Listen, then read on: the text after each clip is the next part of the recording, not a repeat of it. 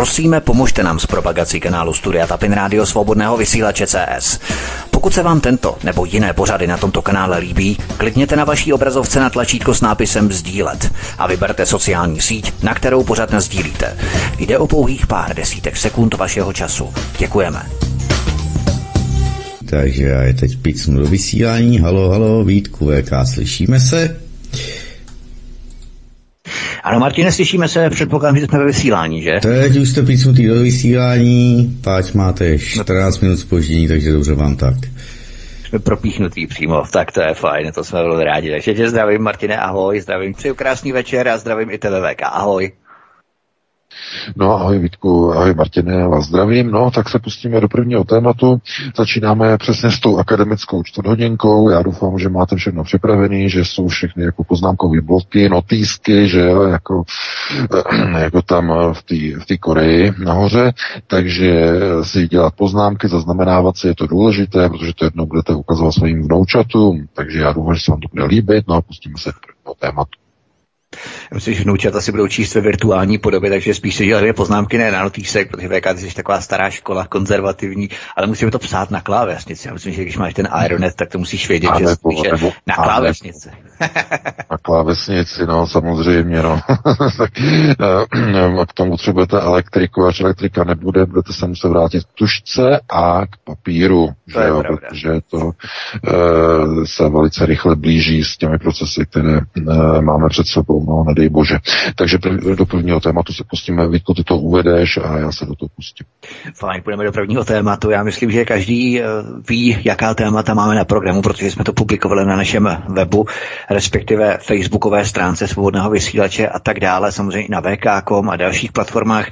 Dejte své špinavé ruce pryč od Turecka, nikoli od svobodného vysílače, ale od Turecka.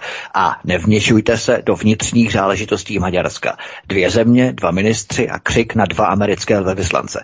Myslím, že podrobnosti není asi třeba moc rozebírat, nicméně několik dní po tomto křiku v Turecku proběhlo obrovské zemětřesení v zemi a vedlejší síly. Americká armáda má technologie pro hloubkovou tomografii země a možnosti zaměření elektromagnetického poprsku na tektonické zlomy, které dokáží pod relativně malou eh, energií rozvibrovat danou lokalitu a zemětřesení vyvolat. Ty dokumenty Tady mám i konkrétní výroky amerických kongresmenů a ministrů obrany a tak dále. Připravují o tom trojdílný speciál Planeta jako zbraň. Já to budu vysílat tady za další dobu, protože přece jenom rádio nás neuživí a musíme prostě makat v rámci civilního jobu, civilní práce a aby jsme zaplatili účty, tak to všechno dlouho trvá. Nicméně VK, myslíš, že tak obrovské zemětřesení má s tímto vypráskáním amerického velvyslance v Turecku nějakou souvislost, respektive je reálné provést takovouto odvetu, protože ve hře je zbližování Turecka s Ruskem a tam už nejde o nějaké řečičky diplomatů byť bez rukaviček. No, vztahy mezi Spojenými státy a e, Turecké minimálně na diplomatické úrovni jsou nabořené tak maximálním způsobem, že e, když budou nabořené ještě o jeden kruček víc, tak to prostě propukne e, ve vojenský konflikt může dojít k tomu, že prostě Turecko okamžitě vystoupí ze Severoatlantické aliance. Ty vztahy jsou nabořené od roku 2016, když se provalilo a ukázalo, že ten eh, v létě, že počátkem toho léta eh, pokus o státní převrat a o svržení Erdoana eh, byl řízený ze Spojených států, to byl konečný, to bylo finální. Přitom Turci věděli, že američané se snaží dlouhodobě o svržení Erdoganovy vlády ale eh, bylo to jenom takové, eh, takové do té doby jenom finanční snažení. Eh, američané dlouhodobě sponzorovali opozici v Turecku proti Erdoganovi. Sponzorovali turecké neziskovky proti Erdoganovi, ale protože to nepomáhalo, tak se rozhodli, že ho zkrátka odstaví tím, že eh, tam zinscenují a prostě provedou prostě vojenský puč. Je to stará škola, američané, Chile, že jo, a v mnoha dalších zemích to oni umí. Jenže ono to nevyšlo. Ono se ukázalo, že ta podpora ze strany turecké armády je velmi nízká, velmi malá pro myšlenku eh, svržení Erdoana a e, ten puč byl, e, byl potlačen. To byl velký setback, e, velký zklamání pro Američany a od té doby, od té doby je Erdogan na válečné stezce s Američany, protože jim to nemůže zapomenout a kdyby jenom zapomenout, oni v tom pokračují. Proto minister, že ministr vnitra měl to povídání, že všichni američtí velvyslanci, kteří e, přijdou prostě do Istanbulu, který prostě, nebo do Ankary, kteří prostě přijdou, e, tak se hned první věc, co se snaží, že prostě organizují ostatní e, velvyslance z Evropské unie proti Erdoganovi, jak ho oslabit, e, jak prostě zorchestrovat e, převrat e, v Turecku. Ano, se pouze ukazuje, že ty politické procesy, které probíhají mm, v prostoru Malé Asie nebo minimálně v tom prostoru e, něčeho, co by Erdogan rád nazýval jako velkoturecký prostor, e, tak e, jsou nasměrované úplně někam jinam než k západním partnerům. Úplně někam jinam. To znamená, ty procesy jsou nastavené e, proti Evropské unii, proti americkým zájmům a jsou nastavené čistě jenom v myšlence e, takzvaného Atatürkova odkazu. To znamená návrat eh, jakéhosi velkotureckého modelu, eh, který se Erdogan konec konců mm, snaží mm, od počátku své kariéry eh, ještě jako tehdejšího starosty Istanbulu. Vlastně z této pozice toho starosty byl vystřelen až do pozice vládce Turecka. To je asi ten hlavní model a ten důvod, proč jsou ty vztahy tak nabořené mezi Tureckem a Spojenými státy. Ale Maďarsko se vlastně dostává do podobné pozice, ale trochu z jiného důvodu. Eh, protože vliv na americkou zahraniční politiku do velké a značné míry mají, má George Soros, eh, že eh, tedy původně maďarský občan, který de facto se snažil předělat Maďarsko na jakousi globalistickou laboratoř. Mm, mimochodem, velká, obrovská, obrovské množství evropských politiků prošlo Sorosovou středoevropskou univerzitou v Budapešti, když tam ještě byla. Eh, desítky, desítky slovenských politiků prošly tímto Sorosovým šmůzem, eh, jsou poskvrněni tím, eh, chlubí se tím, tam jim nalívali všechny tady ty globalistické věci do hlav a mnoho českých politiků, konec konců ty svodky na ně máme, ale tady jde příš, spíš o to, že mm, ta škola skutečně připomínala spíš jakoby operativní, operativní prostor eh, globalizátoru, to znamená se náhá vypěstovat prostě podhoubí a čekat, kdy vyraší jednotliví absolventi této školy. Mnoho jich nevyraší třeba vůbec, ale některým se to povede. Ti, když se potom dostanou do moci a do systému moci, tak okamžitě se jim tito chlebodárci ozvou z těchto škol, okamžitě. A začnou pracovat v jejich prospěch. Takhle to funguje se všemi těmito školami. Přijeďte na jeden rok do tady té školy, dostanete nějaký titul, dostanete nějaký papír, nějaké listro, e, budete mít eh, nějaká písmenka před jménem nebo nějaká písmenka za jménem, ala fialový hňup. To znamená, čím více profesor, tím více Adidas. A když e, začnou procesy, politické procesy probíhat e, do takové míry, že se překlápí na šestou prioritu, to znamená do válečného stavu, tak tito politici se stávají všeho schopnými. Jsou schopni úplně všeho. Třeba zatáhnout vlastní zemi do války.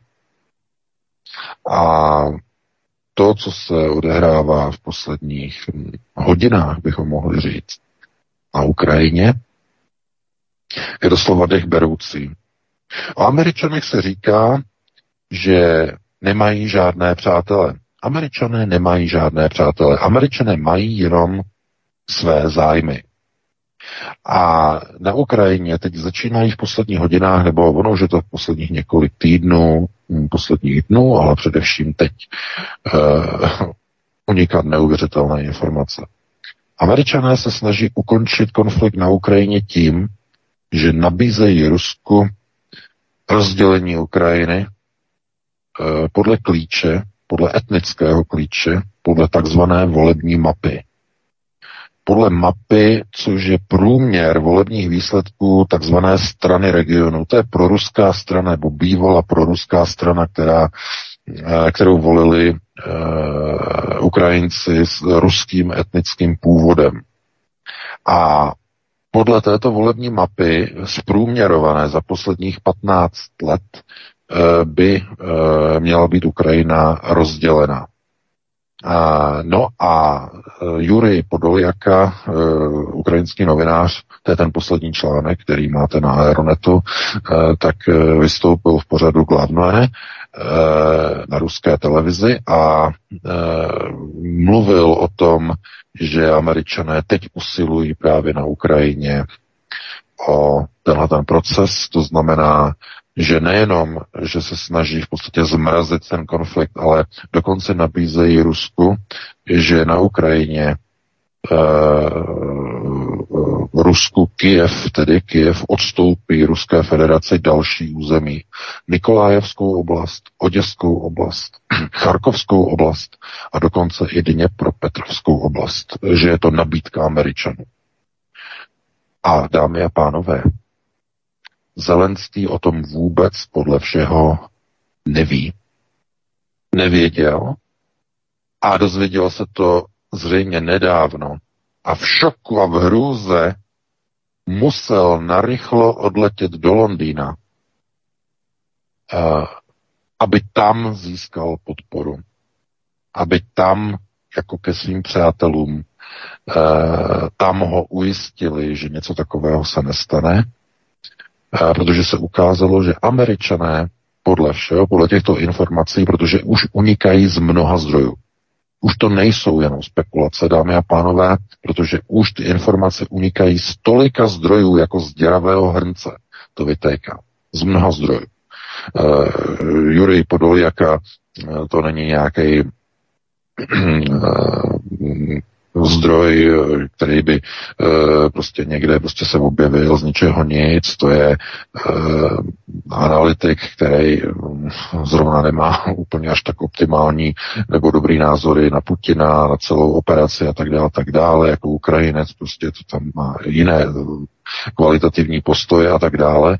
Nicméně On má ty informace, mluvil o tom, že právě teď probíhají ty, tato jednání a příprava americké strany na, eh, na blízká jednání, na kterých tyto nabídky mají být už předloženy ruské straně oficiálně a neoficiálně je před týdnem, před deseti dněma, nebo to bylo, už je to déle, eh, teď nedávno přiletěl do Moskvy na tajnou návštěvu šéf CIA eh, William J. Barnes, a e, podle e, že švýcarsko-německého deníku e, tady ty informace unikly, že tam nabídl, tedy údajně nabídka z Bílého domu, adresovaná přímo ruskému prezidentovi, ruské straně že tedy uh, Ruská federace dostane odstupné, dostane tedy nějakých 20 až 25% ukrajinského území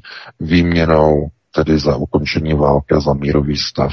No a uh, protože dnes nebo v této chvíli uh, Rusko kontroluje podle těch posledních informací nějakých 16,4, 16,5 desetiny procenta ukrajinského území, tak je jasné, že těch 20 až 25% se musí ještě někde vzít. No, to jsou přesně ty regiony, ještě ty, ty tři nebo čtyři regiony, které chybí, to znamená Nikolájev, Oděsa, Charkov a Dněpropetrovsk. To znamená, a jednou to všechno zapadá do sebe. Ty informace, které vypouští Alexej Arestovič, to znamená bývalý poradce Volodymyra Zelenského, a který najednou se začal etablovat jako velký zastánce rozdělení Ukrajiny. Něco neuvěřitelného, naprosto neuvěřitelného. Před půl rokem naprosto neuvěřitelného, že by z jeho úst něco takového vypadlo.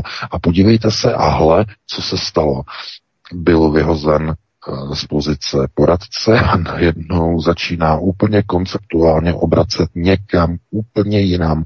A jakou notu on tlumočí? No samozřejmě americkou notu. Rozdělení Ukrajiny. A potvrzuje to i, to už i Eh, Jury Podoljaka a eh, v polských médiích vycházejí články s mapama rozdělené Ukrajiny, jak Polsko bude mít část západní Ukrajiny, už se prostě na to chystají.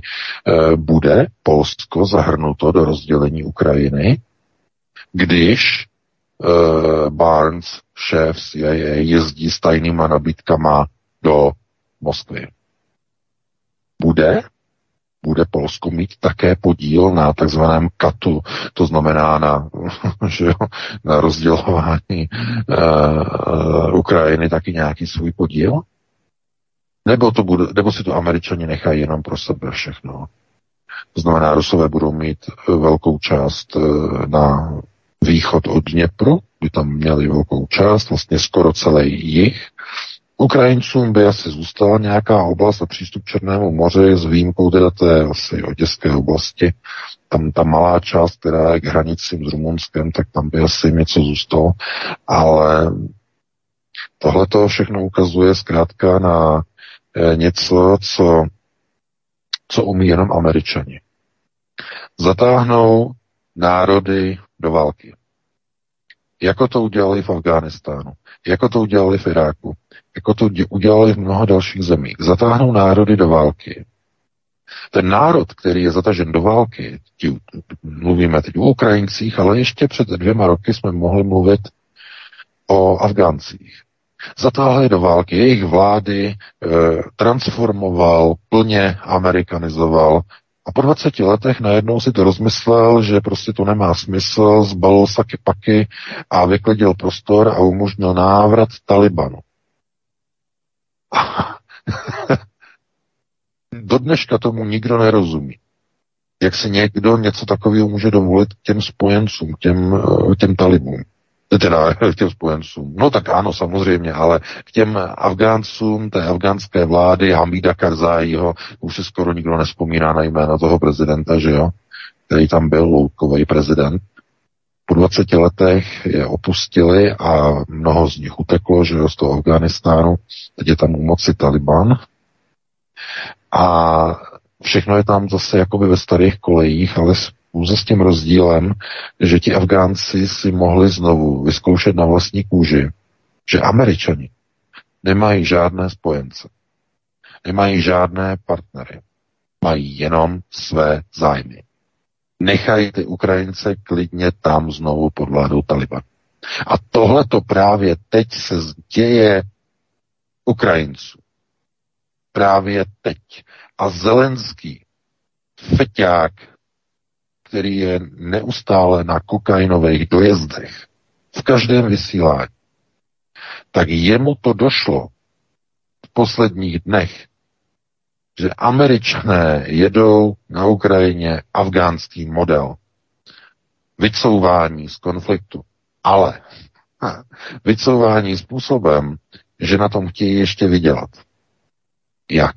No, přesně jak o tom hovoří Alexej Arestovič jak začíná dělat propagaci ve svých uh, videokástech, jak začíná zpracovávat ukrajinskou veřejnost. Jak uh, v tom videu říkal, že máme šanci porazit Rusy, nemáme šanci porazit Rusy. Uh, mají, můžou, jsou schopni mobilizovat každé tři měsíce 200 tisíc mužů. Máme my takové e, kapacity? Nemáme. Budeme mít vojáky tenhle ten rok? Nebudeme. Budeme jim příští rok? Nebudeme. Takže co nám zbývá? No a začal prosazovat myšlenku rozdělení Ukrajiny. A že rozdělení Ukrajiny by mělo mnoho bonusů. No, jakých bonusů? No, s tím se dívá samozřejmě na model Jižní Koreje. Dívá se na model Izraele po šestidenní válce. To znamená, Uh, snaží se teď v informačním prostoru, ukrajinském informačním prostoru, prodat Ukrajincům myšlenku, aby přistoupili na rozdělení Ukrajiny a musí to mít nějaký cukr. Musí to být podcukrovaný. Ta bolest, ta rána rozlomení Ukrajiny pro Ukrajince, kteří byli na očkování po dobu osmi let obrovským nacionalismem po roku 2014, tak teď je třeba to nějak neutralizovat. Je třeba sypat cukr těm Ukrajincům pořádně, aby tu myšlenku toho, že bude Ukrajina menší, ale bude bohatší a bude, e, bude větší konjunktura, samozřejmě, že nebude, protože k tomu, aby nějaká země prostě prosperovala, potřebujete národ, který je pracovitý a e, který má charakter prostě dříčů a který prostě nejede úplně všechny ty procesy, které prostě, na který je Ukrajina založená, že jo. Uh, takže, ale ten obraz je vykreslován zkrátka takovým způsobem, aby vě, ne všichni, ale většina té ukrajinské společnosti, aby si uvědomila, že ta válka vyhrát nejde, že když bude pokračovat ta válka, všichni umřou, což je velice reálné, a že když se ta země rozdělí, tak ten problém bude vyřešený na pořád. No a ten zbytek té Ukrajiny, který tedy jako zůstane teda ukrajinský, tak dostane bezpečnostní garance od Spojených států. Podobně jako Jižní Korea nebo podobně jako Izrael. V téhle fázi, dámy a pánové, už se nemluví o participaci Severoatlantické aliance. Američané jedou solitér na Ukrajině. Solitér. A to je třeba rozlišovat. Tohle to oni dělají velice často. Oni používají Severoatlantickou alianci jako e, takovou zástěrku, když potřebují prostě někde mít nějaké alibi, tak eh, alianční mise, pošleme tam 200 vojáků a už to, už to není americká válka, je to, je to, je to alianční záležitost, že jo, prostě fíkové listí prostě někam je třeba nasunout. Ale tyhle ty akce, které se týkají eh, mocenských zájmů, silových zájmů Spojených států, tam si jedou američané tvrdý solitér. E, nikoho tam jiného nepouští. A Severoatlantická aliance, ty členové, ti menší členové, si to začali uvědomovat, že američané chtějí rozdělit Ukrajinu a poskytnout bezpečnostní garance Ukrajině ve jménu armády Spojených států, to znamená americké armády. Tím by získala hm, nejenom americká armáda, ale Amerika by získala obrovskou moc a kontrolu nad Ukrajinou ve stejném způsobu, a ve stejném úchopu, jak eh, Spojené státy kontrolují celou Jižní Koreu. A samozřejmě, jaký vliv a kontrolu mají nad Izraelem, i když pozor, ten Izrael, na ten je třeba se dívat jako na e, propojení e, de facto židovské Ameriky se sionistickým procesem Izraele. Minimálně tedy modelem sionistického Izraele, který eh, je tady politickým ukotvením sionistických procesů v Izraeli, ale samotný Izrael nelze celý označovat za sionistický projekt. Ta původní myšlenka samozřejmě byla sionistická, ale eh, v dnešním Izraeli, po té, co se tam po rozpadu Sovětského svazu nasáčkovali tisíce ruských židů eh, a obsadili mnoho vysokých funkcí v celém Izraeli, tak dneska už rozhodně nelze eh, Izrael označovat za sionistický projekt. To už dneska ani náhodou, ani omylem. A eh, proto napojení na Spojené státy je tam spíš obráceně, že Izrael si řekl, takhle to bude, Spojené státy nám když tak pomůžou vojensky, kdyby náhodou Arabové na nás zautočili, my si takzvaně zvedneme telefon, zavoláme eh, americkou armádu a oni nám pomůžou. Takže ten izraelský, izraelský model je trochu Eh, posunuté, trochu významově. Ale ten korejský model je naprosto výstižný. To znamená, tam to dopadlo přesně tak, jak oni si teď představují, že to dopadne na Ukrajině. To znamená, ani jedna strana nemůže obsadit úplně všechno to, co by chtěla. Ukrajinci nemůžou a nemají, nebudou mít síly vytlačit ruskou armádu ani omylem a pokud se nestane nějaký zázrak, ani ruská armáda nebude mít sílu úplně obsadit celou Ukrajinu. Takže ten spor tam zůstane jakoby nějak zakonzervovaný. A jak to vyřešit? No, to je teď právě to, o čem jsem psal. To znamená, eh, rozdělení Ukrajiny vysí doslova ve vzduchu. To, proč na to ještě Moskva nepřistupuje, je, že se jí do toho nechce. A proč se do toho Moskvě nechce? No, protože přistoupit na rozdělení Ukrajiny by znamenalo, že na té druhé straně té hranice bude americká armáda.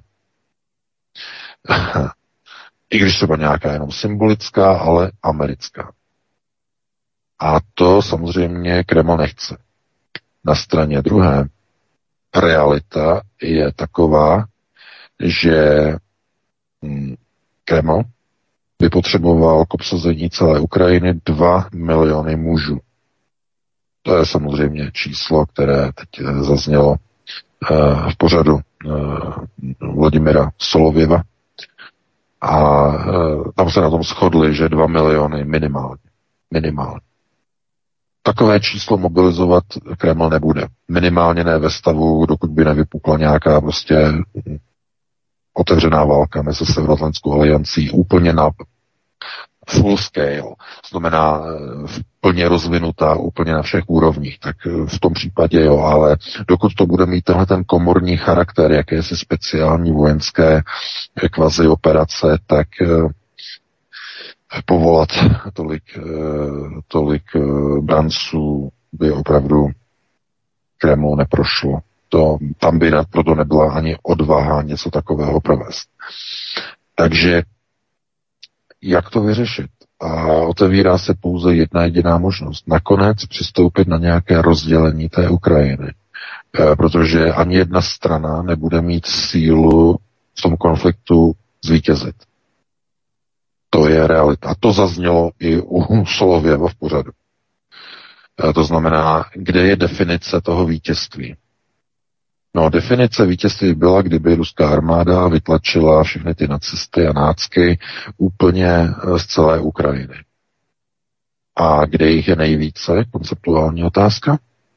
No, na západě, tam, kde se Rusové ještě vůbec zatím ani nedostali.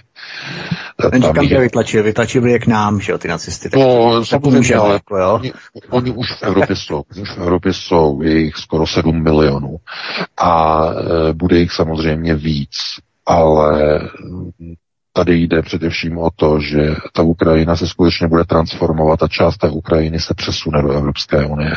Přesune se, část se přesune do Polska, část do České republiky, do Slovenska. E, to znamená ukrajinizace tohoto životního prostoru ve střední Evropě. Velmi značná ukrajinizace. A to je proces, e, na který naskočila i Fialová vláda. Oni samozřejmě mají ty tajné, ty tajné instrukce, z velvyslanectví, e, z tržiště a Oni jedou ty procesy, znamená přesně podle notiček. Oni vždycky vyjedou do těch Spojených států, přivezou noty, přijedou zpátky, nebo přímo jim je přivezou.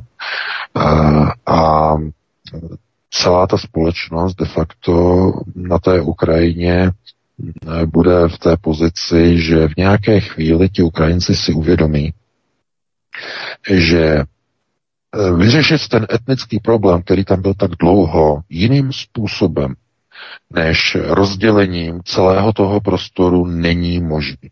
Není. Protože jiné možné řešení by bylo pouze takzvaná stalinská cesta. Ta probíhala ve 30. letech, kdy Stalin nasunul na Ukrajinu 4,5 milionu ruských vojáků. 4,5 milionu. A ti to tam vzali, že uh, Ordnung a, a e, dělají tam strašný věc. Jo, tam to někde vzniklo, ta nenávist e, Ukrajinců k Rusům, tam někde to vzniklo v těch 30. letech. A, a můžeme to teď historicky zpětně e, hodnotit, jak to bylo tenkrát a jestli to dělal Stalin tvrdě, nebo to nedělal tvrdě a tak dále. Tam to ale někde vzniklo, tam v těch, tam v těch prostorech, v prostoru těch 30. let. A něco takového dneska není realizovatelné, protože nedokážete si představit, že by Vladimir Putin povolal nějaké dva, tři nebo dokonce čtyři miliony branců na to, aby obsadili a okupovali obrovské území Ukrajiny. Jenom blázni si můžou něco takového myslet. Eh, víte, eh, něco je eh, konceptualita spočívá vlastně ve zhodnocování, ve zhodnocování faktů možného, to znamená ty možnosti, které jsou možné. A Rusko nemá možnosti na to, aby dokázalo obsadit celou Ukrajinu. V konceptuální rovině je to vyloučené, samozřejmě. A kdyby ta nacifikace té Ukrajiny byla jenom v nějakém omezeném prostoru, malém prostoru, tak ano, bez problému, ale e, ta nacifikace a ta banderizace té Ukrajiny je hluboce zakořeněná celé dekády. A byla potlačována v dobách Sovětského svazu obrovskou mohutnou e, silou tehdy komunistických nebo sovětských orgánů, e, obrovskou sovětskou armádou, e, bohatě a štědře dotovaným sociálním systémem Sovětského svazu, e, levných bytů, laciných bytů. No, nemá smysl mluvit ani o levných laciných, protože byty byly v Sovětském svazu přidělovány, ty nebyly kupovány, to znamená, vy jste byli zaměstnanci sovchozu, kolchozu, podniku, závodu, měli jste automaticky bydlení, nárok, to znamená nároková položka bydlení, nároková položka bytu. To nebylo a dokonce ani v Československu nárokové položky. Měli jste pouze benefitní položky, že když jste šli pracovat pro podnik v Československu, tak jste mohli dostat ubytování na ubytovně a potom za nějaký čas, když jste se ověřili, eh, osvědčili, tak jste dostali třeba byt, který se mezi tím stavil někde na nějakém sídlišti a podobně, eh, ale to, to bylo, eh, to bylo, nebylo to tak úplně časté, eh, že by to prostě se dalo na to spoléhat, protože to bylo nedostatkové zboží samozřejmě, ale v tom Sovětském svazu ne. Tam skutečně eh, se stavilo doslova hm, takovým tempem tak neuvěřitelně, že tam opravdu každý zaměstnanec, který tam byl, tak prostě dostal přidělený zkrátka byt a to jako eh, je něco, co nikde jinde na světě nebylo realizováno. Samozřejmě, že do dneška vlastně ty domy tam eh, stojí a někdo řekne, že prostě jaká je kvalita jako těch domů a podobně, ale eh, zkrátka to bydlení tam měli vždycky zajištěno. A po druhé světové válce Ukrajina byla úplně celá rebudována, byla prostě rozestavěná. Všechno to, co stojí na Ukrajině, nebo tak no, dneska už třeba se nestojí eh, kvůli eh, tomu konfliktu, ale to, co tam stálo ještě do nedávna, tak bylo vybudováno po druhé světové válce úplně na novo. Ukrajina. A ono se často, jenom se s přesahem, často se říká, že nejstrašnější bombardování, že o druhé světové války byl nálet na Drážďany, že o srovnání Drážďan se zemí a také Hamburg samozřejmě, vypálení Hamburgu, že e, náletem zápalnýma bombama e, US Air Force a RAF. No, ale prosím vás, to je, to je čajíček. To je čajíček, naprostý čajíček ve srovnání s tím, jak byla zničena Ukrajina. To znamená ukrajinská část Sovětského svazu. Tam se přehnala válka dvakrát. Jedním směrem. Tam, když Wehrmacht táhnul na Moskvu a druhým směrem na Stalingrad a potom zase zpátky. Ukrajina byla srovnaná úplně se zemí. A po druhé světové válce byla Ukrajina obnovená, vybudována úplně na novo, znovu, moderně a uh, všechno, co dneska Ukrajinci mají, tak mají díky Stalinovi sovětskému svazu. Uh, jenže uh, pravda je taková, že uh, vztah Stalina k Ukrajincům byl takový, že jejich moc ten výrok, který měl tenkrát pro pravdu, že není pravda, Ukrajinců je moc a tím jako definoval svoji politiku vůči Ukrajincům. Jak říkám, to, že oni nenávidí prostě Rusy, tak je do značné míry zapříčeněno Stalinem. Stalinův přístup k Ukrajincům vlastně je tím prapůvodem té nenávisti, ukrajinské nenávisti k Rusům jako celku. Přitom oni by neměli nenávidět přímo Stalina, teda nenávidět Rusy, jako spíš prostě tu politiku Stalina. No, tady tam. Uh, tohleto, no takovýhle přístupně. Každopádně, dneska Ukrajina se v mnoha ohledech začala podobat a přímo je inspirována přímo Německem, přímo Wehrmachtem. Ukrajinští vojáci e, si tam prostě malují na tanky trámové kříže, e, znaky e, insignie, tedy armády e, Wehrmachtu. Kreslí si to na tanky, na auta, prostě symbolika, symbolika Wehrmachtu, symbolika tažení Německa, německé armády Wehrmachtu eh, skrze Ukrajinu na, v rámci Sovětského svazu na Moskvu a na Stalingrad a prostě chtějí něco dokázat. Co chtějí dokázat? Chtějí porazit ruskou armádu, že nějak odčiní tu minulost, nebo že změní minulost, že dosáhnou nějakého velkého vítězství a porazí jadernou velmoc. A ti Ukrajinci prostě žijou zase ve lži, žijou zase v deziluzi, strašný deziluzi. A nedokážou se prostě přes tu minulost přenést. Ta minulost je příliš tíží, jako příliš velké závaží, jako příliš velká kotva, která je táhne ke dnu. Banderizace Ukrajiny, to znamená, ten banderismus se snaží suplovat těm Ukrajincům něco, co nemají národní hrdost, e, něco, na co by mohli být hrdí, aby se necítili jenom jako Ukrajinci, jenom jako Ukrajinec. Uh, oni mají komplex, Ukrajinci mají obrovský komplex, protože jsou jenom Ukrajinci, oni jsou jenom e, na okrajině, tak? To znamená jenom Ukrajina, jsou na okraji.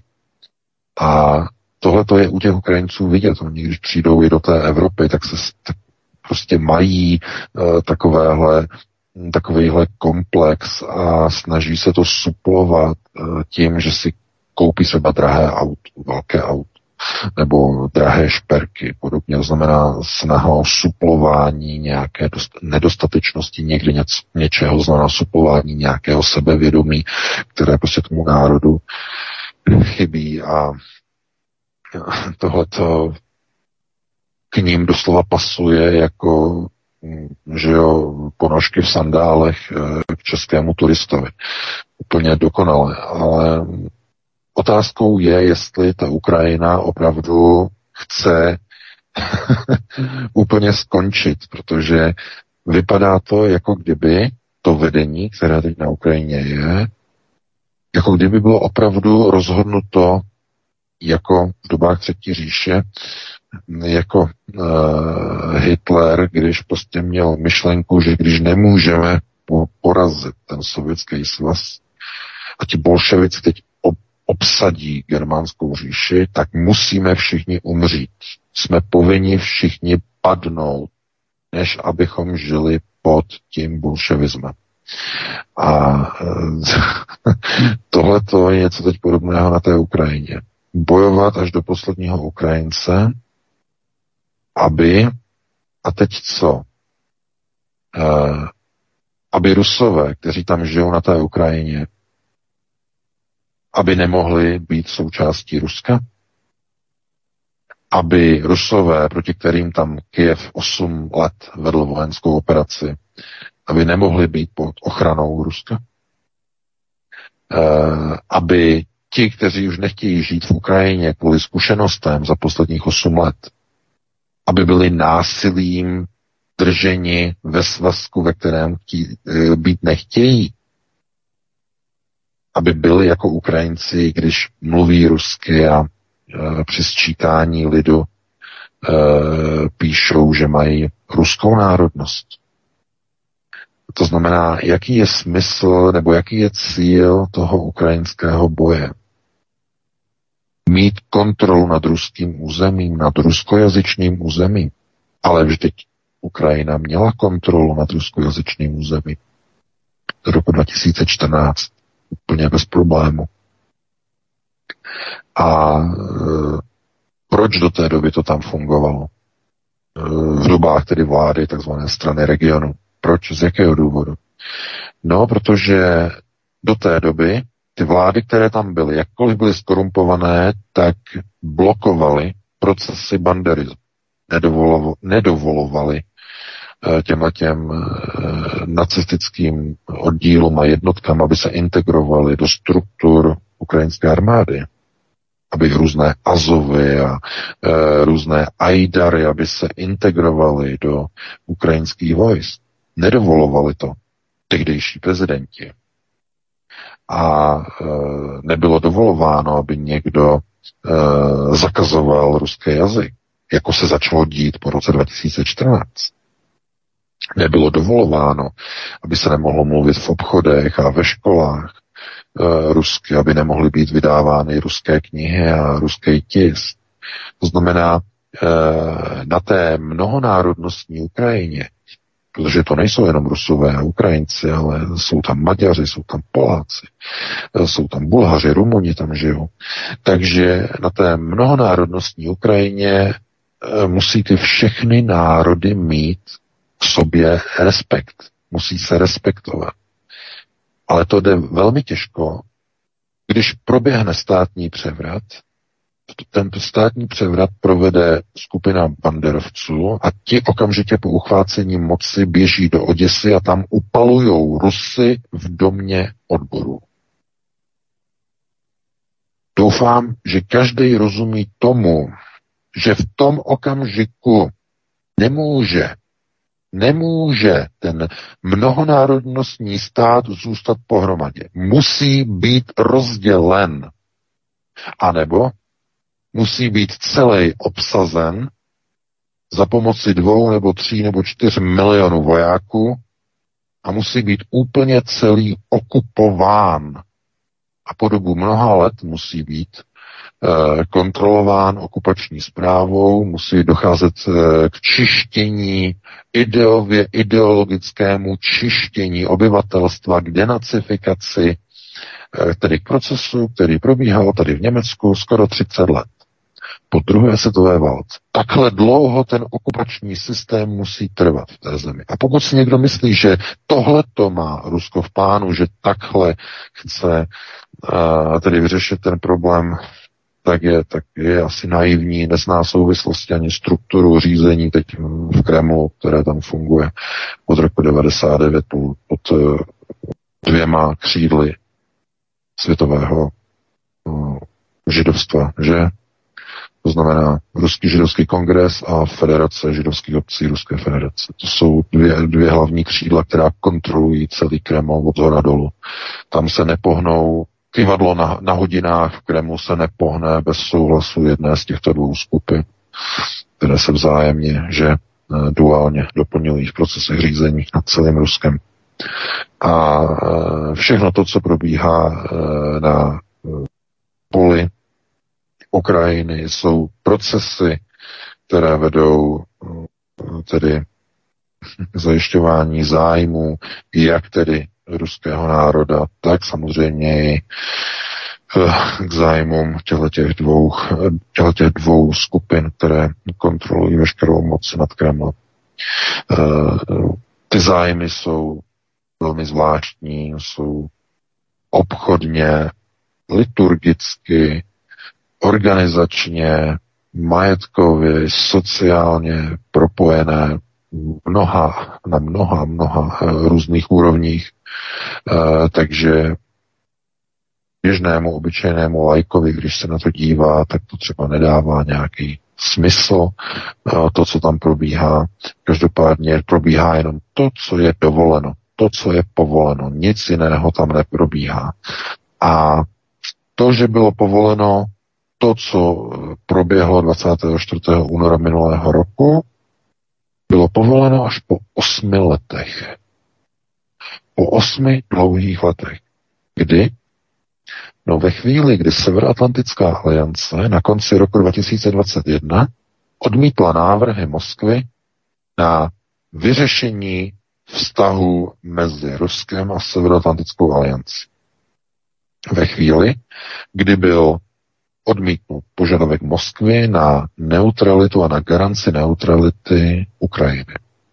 Tom okamžiku se ukázalo, že ty plány na nasunutí vojsk, západních vojsk, především americké armády na Ukrajinu, jsou tak silné a jsou tak mohutné, že jinak než vojenským řešením to zkrátka vyřešit nejde. A teprve v tom okamžiku Kreml dostal souhlas. To, že tam na tom Donbasu 8 let umírali Rusové, to nikomu nevadilo. Kdyby v tom roce 2021 američané nešlápli na plyn a nezačali ten proces nasunování těch zbraní na Ukrajinu, tak tam ti uh, Ukrajinci s ruským etnickým původem na tom Donbasu umírali do dneška. Do dneška by tam je Ukrajinci ostřelovali a umírali by tam děti. Do dneška by to tam tak potrvalo. 8 let, 9 let, 10 let, 20 let, 30 let. Nebylo by dovoleno jim pomoct těm lidem. Ale ve chvíli, kdy byly ohroženy zájmy těchto těch dvou skupin v Kremlu, v tom okamžiku byl dán příkaz k zásahu na šesté prioritě. Uh, proč myslíte, že teď začal zásah proti Igoru Kolomojskému, bývalému sponzorovi Volodymyra Zelenského. Mu tam dělali prohlídku, že mu tam zabavili nějaké věci. To znamená, co se stalo? Zelenský jde po krku svému chlebodárci, že? Najednou. Hm. Jaký je to proces? No, to je proces války, že? Mezi kým? Mezi že a že. V přímém přenosu. A jsme zase u toho. To znamená, konceptuální rovina nám říká, že ve všech těchto těch procesech řízení, které probíhají, uh, jsou zájmy jak tedy uh, těch, řekněme, globalistů, to znamená světového sionistického globálního řízení, tak i samozřejmě Halachy. To znamená strana takzvaného židovského vyvoleného národa. No a Ukrajina je mlínek. To je v podstatě mixer, kde eh, mnohonárodnostní národ, nejenom těch uvedených eh, národností, ale i židů a židů, žil velice dlouho ve vyrovnání a ve chvíli, kdy nastoupili banderovci k moci v Kijevě, tak ten systém se začal hroutit v tom okamžiku.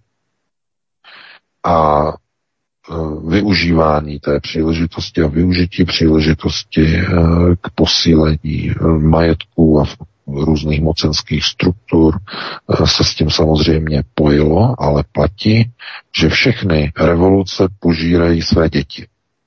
A najednou po devíti letech vidíte, že Zelenský jde po krku svému vlastnímu chlebodárci, Kolomojskému. To znamená, eh, ta Ukrajina si znova prochází tím procesem, eh, kdy ta katarze té společnosti, to znamená neschopnost vyrovnat se s vlastní minulostí, s vlastní historií a překročit svůj vlastní stín táhne tu zemi do rozpadu, to znamená do rozdělení. A politicky to samozřejmě teď nikdo nebude deklarovat, protože ještě je na to poměrně brzy, i když jenom relativně brzy, ale ve chvíli, kdy se ukáže, že ani 100 tanků, ani 300 tanků, ani 400 tanků nic nezmění.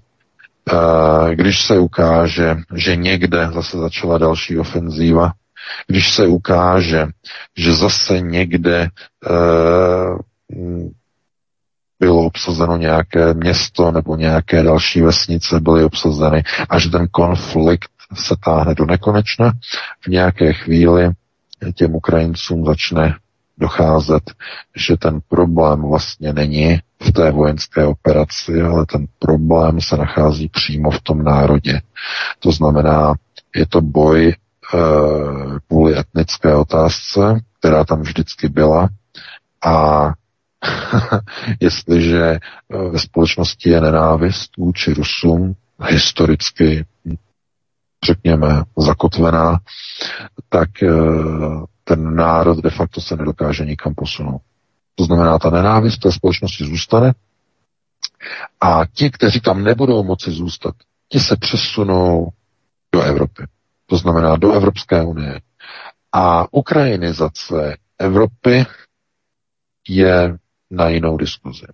Protože proces ukrajinizace bude probíhat právě z těch titulů těch osob a těch lidí, kteří nebudou chtít na té Ukrajině zůstat, protože systém řízení, který tam bude nastaven, i po, té, eh, po válce, která skončí, i poté, až tam bude nastaven, už nebude kompatibilní s podporou banderismu a neonacismu. Nebude už kompatibilní.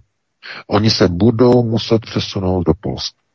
Budou se muset přesunout do České republiky protože v České republice je vynikající podhoubí pro banderismus, pro myšlenky neonacismu, eh, které podporuje přímo vláda Petra Fialy, že? To znamená rozdělování společnosti na ty dobré a na e, dezoláty a na proruské šváby. To je fašizace, to je, fašiz, to je fašizační proces. To jede přímo vláda, to jede přímo Fiala. To znamená jeho důstojník, že jo, řídící Rakušan. To znamená, e, e, to je ideální prostor pro ty Ukrajince s banderovským tedy nábojem naprosto ideální. Ještě lepší než Česká republika je Polsko. Proč? No, to je to trošku zvláštní. Oni Poláci nemusí moc Ukrajince, ale uh, jedno mají společné. Nenávist k Rusu. Nenávist k Rusům spojuje Poláky a Ukrajince do, do naprosto ideálního duetu, ale naprosto ideálního, protože eh, těžko najdete dva národy, které by více nenáviděli Rusy, než jsou Poláci a Ukrajinci. to, je, asi tak nejlepší. Že jo, eh, Češi ty mají, vzpom, ty mají vzpomínku na rok 68, eh, protože eh, nedokážou chápat konceptuální souvislosti toho roku Nikdo jim to nevysvětlil, k čemu došlo, že soudruzi se nedokázali dohodnout. soudruzi, část soudruhů si pozvala sovětská vojska s vacím dopisem. Část veřejnosti tomu tleskala, ta druhá, ta byla nasraná a ta, která byla nasraná, získala moc v roce 89 nad Československem. Takže kdo přijde k moci, rozhoduje a přepisuje dějiny. Ne dějiny, historii. Že? A z tohoto důvodu po 33, 34 letech se díváme, nebo společnost se dívá na rok 68 jako na něco tragického, strašného. No ale to bylo pnutí ve společnosti. Část lidí zkrátka e, nechtěla kapitalismus, chtěli budovat socialismus, Tehdy bylo teprve, eh, to bylo 23 let po druhé světové válce, jenom 23 let po druhé světové, takže eh, eh, dívat se na to jako na něco, co prostě poznamenalo národ, je do značné míry falešné. Protože ta vůle lidu byla potom deklarována v následujících volbách. Lidé šli k volbám a hlasovali a házeli do kaslíku růžovou, že kandidátku Národní fronty. Všichni hlasovali. Všichni byli spokojeni. A někdo může říkat, no ale oni přece drželi hubu a krok. Ano, samozřejmě. drželi hubu a krok. Jako dneska. Jdou k volbám a volí generála. Je jim jedno, že to je bývalý rozvědčík, je jedno, že to byl šéf stranické, buňky stranické organizace KSČ. Ne, dneska to nikomu nevadí. Jdou a hlasují. A to, že se provádí procesy na válku, nikomu to nezajímá. Oni jdou a mlčí. Nikdo nedělá žádné demonstrace. Jdou a mlčí. Takže kdo si dovoluje kritizovat rok 68? No tak lidi vyšli tenkrát do ulic. Byli, že jo, proti ruské armádě, minimálně v Praze. No a v kterých dalších městech vyšli Češi do ulic? No. A jsme se u toho. to už tak divoký nebylo v ostatních městech. To je právě ten problém. Praha je jiná. Praha je jiná. Tam prostě je to úplně jiné a to bychom mohli prostě přecházet do mnoha, mnoha souvislostí, e, proč zrovna Praha je vybrána e, globalisty, proč zrovna e, Praha je centrem světového židovstva, proč tím centrem není třeba Vídeň nebo hm, já nevím, třeba Řím a podobně. E, ty souvislosti jsou s velkými přesahy, ale na to nemáme čas, protože tady tím tématem s velkým přesahem e, jsme no, zabili hodinu našeho pořadu, takže máme 20-40 výtků, takže e, no, pustíme se do dalšího tématu, bude to zhuštěné, já se to pokusím zkrátit. To VK nevadí, protože ty si tu Ukrajinu v podstatě prolinul v rámci toho tématu, který jsme začali, protože my jsme původně začali Tureckem a potom jsme z geopolitických důvodů si eh, přeřadil na Ukrajinu, ale já bych u toho Turecka ještě setrval velmi skokově, skokem bych se k tomu vrátil, protože já jsem se na začátku ptal na souvislost s tím zemětřesením. Máš třeba nějaké indikátory z nějakých zdrojů, které by nasvědčovaly tomu, že to zemětřesení bylo uh, uměle vyvolané na margo tedy těch uh, tureckých snah o příchylnost k Rusku a jménu tedy nebo na margo těch výroků diplomatů eh, vůči americkému vyslanci v Turecku, v Ankaře, tak eh, v Istanbulu, tak něco podobného mohlo přijít právě v rámci toho zemětřesení, které mohlo být uměle vyvolané, eh, protože ta souvislost mezi tím několika dny, několik dní potom je docela taková zvláštní. Máš nějaké informace, že by to mohlo být tímto způsobem vyvolané? Eh, pokud bychom chtěli eh, získat nějaké tady ty informace, tak jako první eh, by tohleto začala řešit turecká bulvární média, turecký bulvár, protože ten je zdrojem vždycky zajímavých informací to s velkým předstihem. Ale co se týče tedy vyvolání nebo indukovaného zemětřesení prostřednictvím použití tzv. skalárních zbraní, škálovatelných zbraní, eh, různých rezonátorů a podobně, tak to je zajímavá záležitost samozřejmě. Ale e, v tom Turecku je třeba se dívat na to, že v téhle chvíli e, celá ta událost, to znamená celé to zemětřesení a ty následující informace, které přicházely, tak ukázaly, že to zemětřesení vlastně začalo Eh, tam v tom prostoru toho středního Turecka, že jo, na hranicích s, eh, s tou Sýrií. A to zemětřesení, ty seismické vlny se začaly potom šířit směrem k Evropě. Jo, to tam je ta animace v následujících hodinách potom. To znamená, ty otřesy šly přes celou Evropu a postupně tedy se zeslabovaly a, a tak dále. No a e, je zajímavé, že e, v ten den vlastně e, byly detekovány nezvykle vysoké počty zemětřesení po celé planetě. Po celé planetě. Já k tomu chystám článek, mám k tomu nějaké rešerše a e, něco, čemu se říká takzvaný celoplanetární tremor je předpovězen v Talmudu. To je velký, to je velký téma, to mám připravené. Celou, protože v Talmudu stojí a celá země se začne chvět, začnou padat města a e, vzejde tedy e, behemot, vzestup behemota, že? To znamená e, jednoho z nejvyšších důstojníků pekla. E, to zase, to je s okultním přesahem, ale to si nechám do toho článku. Takže takhle bych na to reagoval a asi se pustíme do dalšího tématu, Vítu. Pustíme se do druhého tématu, třetí tedy vynecháme, protože to se přímo týkalo Ukrajiny, což jsme vyřešili i v rámci prolinutí s tím Tureckem a Ukrajinou v tom prvním, takže půjdeme do druhého závěrečného tématu na posledních, eh, zhruba čtvrt hodiny. Evropští politici vyhrožují Rusku proto, aby odradili Rusko od ukončení bojových operací. Evropa potřebuje krizové řízení a válečný stav proto, aby mohla silově vládnout nad obyvatelstvem jako za covidu. Do samotné Ukrajiny jsme se vypravili analyticky, jak jsem řekl už v předchozím tématu, ale zůstaňme teď tedy v té Evropě. Navazuje tedy ta válečná agenda i když se tedy rýsuje eh, jakési rozdělení Ukrajiny a ukončení toho válečného konfliktu, i když eh, s velmi, řekněme, střední dobou horizontální perspektivou, řekněme, časovou, ale přece jenom se k tomu musí dříve či později dojít, tak eh, navazuje ta válečná agenda na covidovou agendu, kdy se prostě dokončují ty věci, které by nebylo možné zvládnout za covidu, který se začal hroutit, ta agenda se začala hroutit.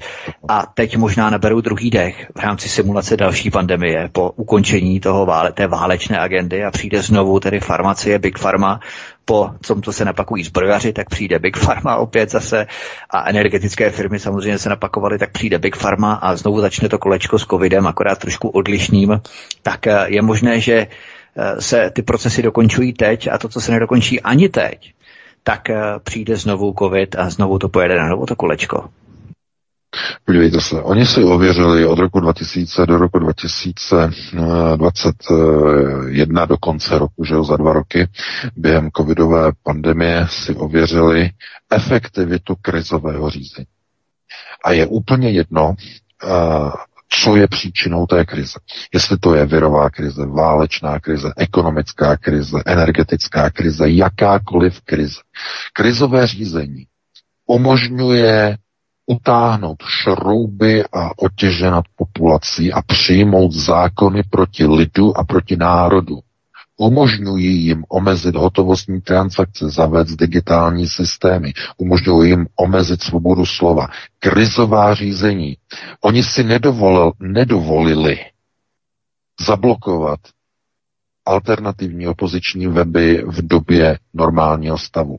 Ale ve chvíli, kdy přišla válečná krize, Fiala okamžitě vystřelil a vystartoval a zablokoval osm webů. Chtělo to prý jenom odvahu. Z jakého důvodu? No máme krizi. Oni potřebují krizové řízení k prosazování těch zákonů, které v době normálního, nekrizového stavu by společnost nikdy neakceptovala, nikdy by nedovolila vzít si ta práva, ale v době krize ano. V době krizi dá. Chápete? Populace je do značné míry, to je, uh, ano, davo-elitářské řízení, uh, stádové řízení. Populace je stádo, dav. A pokud chcete DAV řídit k něčemu, co se DAVu nelíbí, musíte vytvořit krizi. krizi. Krizový stav. Aby ta populace to přijala, aby měla strach. Strach z viru, strach z války, Eh, strach, strach, strach eh, naprosto čehokoliv. To znamená proces krizového řízení. V krizovém řízení je možné zrychleně přijímat zákony ve sněmovně. Nemusí se probírat eh, dlouho v několika čteních, nemusí se posunovat do jednotlivých výborů. Je možné je den ze dne na den schválit. Ve zrychleném jednání. To je možné pouze v krizových stavech. To znamená, co to je? Zjednodušení výkonu moci, zjednodušení exekutivy, zjednodušení e, legislativy, urychlení. To znamená, všechno, co je třeba pros, e, posunout a prosadit, tak se udělá zrychleně. To samé zakázky, veřejné zakázky. V době krize se nemusí vyhlašovat výběrová řízení. Je-li to zdůvodněné nějakým krizovým stavem. To znamená, já na bráchu, brácha na mě. Však eh, jak, jakým způsobem Ursula von der Leyen podepisovala za kolik? Eh, za 200 miliard? Za kolik 200 miliard eur, nebo kolik to bylo na tři nebo na čtyři roky nakoupila vakcíny pro celou Evropskou unii od Pfizeru a udělalo to eh, podle paragrafu o krizovém řízení Evropské unie. No, Takhle se to dělá v době krize. Protože ty zákony, ty krizové zákony, oni potřebují ke svému vládnutí. A uh, oni zjistili, že všechno to, co měli naplánováno, tak se nestihlo během covidové pandemie. krizové stavy skončily. Digitální systém, že jo, digitální reforma, nasunutí digitální měny, eh, odstranění hot, platební hotovosti, nasunutí sociálního kreditu. Tohle to všechno, prostě spousta úkolů, kroků, to se nepodařilo dokončit. Kdyby to trvalo déle, tak ano, ale skončilo to po dvou letech a oni nestihli všechno to, co měli naplánováno. No, teď je válka, válečná krize. A najednou, najednou, co se děje? Energetická krize, palivová krize, kterou pomohli evropští politici vyrobit. Oni sami dobrovolně odpojili Evropu od laciných ruských energií, tím vytvořili krizi všem evropským podnikům, všem evropským firmám a hlavně všem evropským domácnostem. Sami politici. Evropa se odpojila od ruských energií. Ne, že Rusové by nás odstříli. Ne, ne, ne. Evropa se odpojila.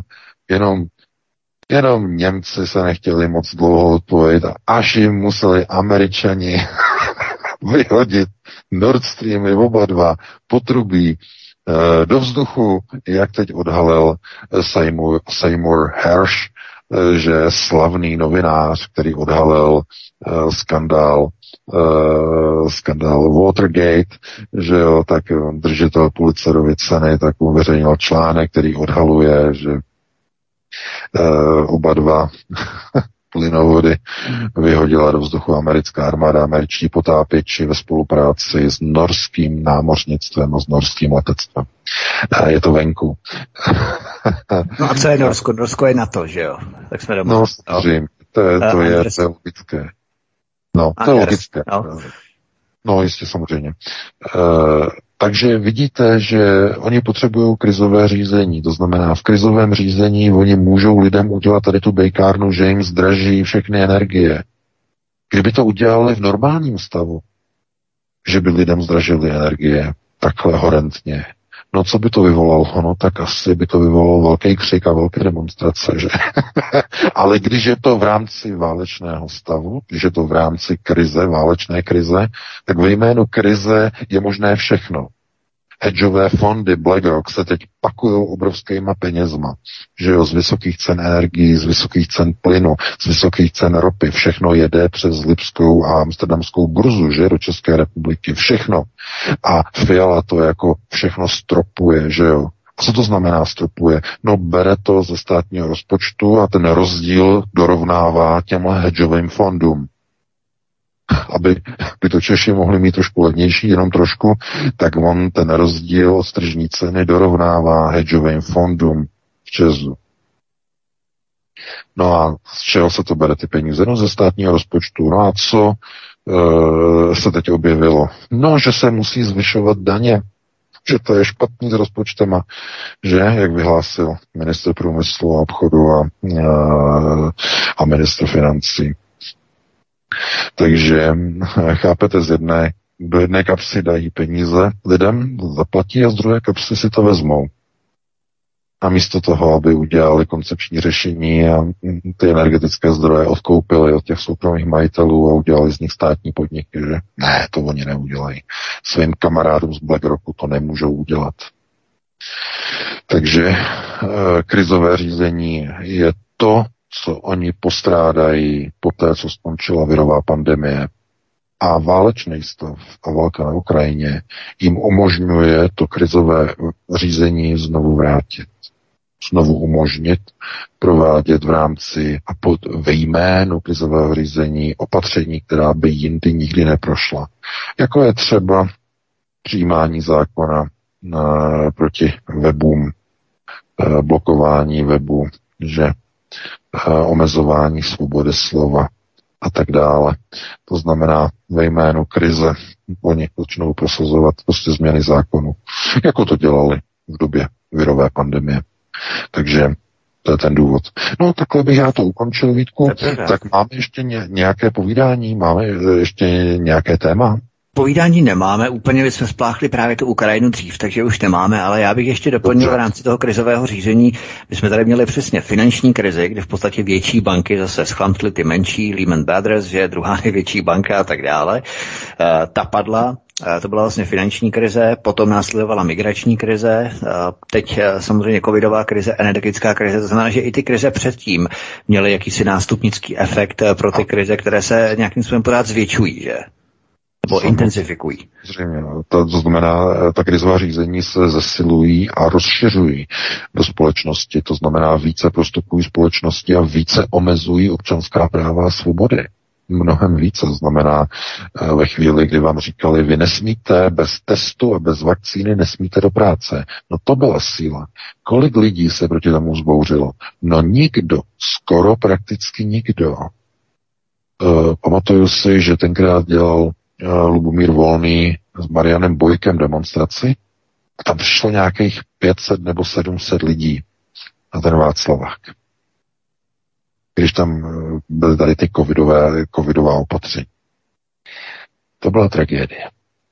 To byla ale pozor, z historického hlediska je to naprosto unikátní studijní materiál kontroly davu, crowd control, nad českým gojím obyvatelstvem. Naprosto, naprosto unikátní historicky unikátní. Je neuvěřitelné, co je možné dělat s českým obyvatelstvem, pro, pokud je e, řízeno nějakým krizovým systémem řízení, krizovým scénářem.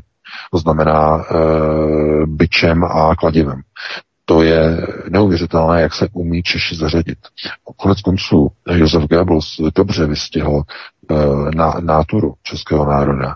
E, Češi jsou dobří, protože umí ohnout záda a šlapat. To, jo, to je jeho výrok. A uh, pod byčem. Jo, pod byčem. To by bylo na dlouhou diskuzi. Zkrátka, každý, každý národ má takový ten svůj vlastní charakter, jo? takový výraz Ukrajinci, že jo, banderismus a nenávist Rusům. Češi, no, ohýbání zad dokážou přežít pod každým konkordátem, eh, pod každým uh, systémem řízení. Uh, ať už jsou to Habsburkové, nebo jsou to nacisti, nebo jsou to komunisté, nebo jsou to neoliberálové. To úplně jedno. Češi se vohnou a šlapou. Uh, Italové zase třeba jo, jsou velice temperamentní, eh, vznětliví a tak dále. Znamená, ty národy mají různé zvláštní charaktery, že jo, každý je trochu specifický, trochu jinak, má své přednosti, nedostatky. No, eh, Ale máme 20... VK to nebylo jenom z Čechy, protože vlastně celý západ eh, se nějakým způsobem podřídil v rámci tomu covidismu, tak to nebylo jenom s námi Čechy, že bychom si sypali popel na hlavu, že my jsme byli ti nejhorší. Ale jo? je třeba říct, že byly obrovské demonstrace ve Velké Británii, byly velké protikovidové demonstrace v Paříži, byly velké demonstrace tady ve Frankfurtu. Velké. Tady přišlo no, 120 tisíc lidí. Kolik jich přišlo v Česku? Pět. Tak jasně, ty, ty země jsou ne, zase nesrovnatelně větší než ale, Česko, ale musíš ale to, poměr. Poslouchej, jako, jak, jako, rozumíš, eh, poměrově, poměrově uh, můžeš srovnávat třeba počet obyvatel, jo, ale v Česku 10 milionů že jo, obyvatel, ale když ti přijde v době uh, teroru, teroru, na náměstí 500 eh, nebo 700 lidí, tak, to, tak ti to něco vypovídá o té, té schopnosti toho obyvatelstva se přizpůsobit. To je prostě neodiskutovatelné. To není o tom, jestli eh, tady v nějakém městě žije 6 milionů lidí a v Praze 2 miliony 300 tisíc a teď se to pomě, poměřuje, jestli tady by mělo být 120 tisíc a v Praze by mělo být 78 tisíc lidí, aby to bylo v poměrově nějak vyvážené a podobně. To je nesmysl, protože to nemusíš ani počítat poměrově. Je ti, je ti jasný, že když někam přijde 500-700 lidí, tak ta odezva tam není v té společnosti. A proto mohl Hamáček, červený svetřík, nakupovat stříkačky na demonstranty. Pamatuješ si, jak nakoupili stříkačky? Uh, ty, ty vozy ty jo, jo, jo, od ní dělá za 120 mega, no, tuším, to bylo. Přesně tak, za 120 mega koupili na demonstraci. Na, na jaké demonstraty, kontrolní otázka? Na těch 500 až 700 demonstrantů, aby je mohli z těch uh, tří vodních děl, který nakoupili, aby je mohli rozehnat. Taková je pravda. Aha, to je tvrdá pravda. To se, to, to se dobře neposlouchá. Vůbec ne. Problém je v tom, že uh, že někde to vzniklo. Jestli to bylo uh, po Bílé hoře, kde se změnil prostě ten, to zlomení toho národa, že? nebo to bylo dřív, kde to prostě vzniklo. Jo, to znamená ta odevzdanost tomu režimu, který si dělá s tím národem úplně, co se mu zlíbí, pokud ten, kdo vládne, má prostě silové řízení, má ten pič a to kladivo. To je, to je potom tragédie toho národa. To znamená, ten odpor v té společnosti někdy by měl vzniknout, někdy by měl uh, vystoupat prostě na povrch. Jenže největším příkladem té nemohoucnosti se, vze, se vzepřít té moci je samozřejmě legendární 17. listopad 89 kabátová revoluce, kdy tu demonstraci, ten převrat tomu českému národu museli zorchestrovat estébáci, protože Čechům se nechtělo dovolit. v té době to padalo, že jo. V NDR v té době to padalo v Polsku, padalo to v Rumunsku, v Maďarsku, v Česku byl klid na práci, všichni byli spokojení. STBáci z toho byli úplně na prášky a museli zorganizovat mládežníky ze socialistického svazu mládeže, museli je přesměrovat při cestě z Albertova na národní třídu. Tam už byly dopředu připravené pendrekové jednotky, na ně čekali a zinscenovali tam zmlácení a smrt jedno jako studenta. Chápete? Podvod 17. listopadu, protože protože Češi nebyli schopni vyjít do ulic. Nechtěli, neměli důvod. A taková je realita. To znamená, změny ve společnosti vycházejí někdy ze zdola, to většinou v těch temperamentních národech, kdy prostě e, různá, různé francouzské revoluce, e, že jo, možná i v té Itálii, že, ale jo, tam, že zlikvidovali Mussoliniho dokonce na dvakrát. Jednou se jim to nepovedlo, protože Hitler ho nechal osvobodit. Ale eh, je asi příznačné, že prostě eh, Češi prostě eh, jsou spokojení s tím, co mají v té dané době a ten nákupní vozík v současné době je jim o něm prostě oltářem který je zdrojem autohypnózy. To je zkrátka ten uh, pohled, který prostě ta společnost má a kde ho potvrzuje u každých voleb posledních několik let. To znamená, ta společnost je spokojená s tím, co má. Uh, no, já jenom říkám, aby ta společnost toho nelitovala, aby ji nezaskočila z těch produktů v tom nákupním vozi. Už brze. Takže takhle bych to uzavřel, Vítku, dáme si přestávku nějakých 8-9 eh, minut, já se občerstvím, protože to bylo fakt dlouhý, Martin tam najde nějaké pěkné písničky no a potom se pustíme do našich telefo- telefonujících, eh, kteří tam vysí na telefonu. Jasně, určitě se do nich pustíme, respektive oni se pustí do nás. Já jenom podotknu, že vlastně tisíc lidí z těch deseti milionů není ani jedno procento, dokonce to není ani 0,1%, je to dokonce 0,01%, to znamená jedna setina.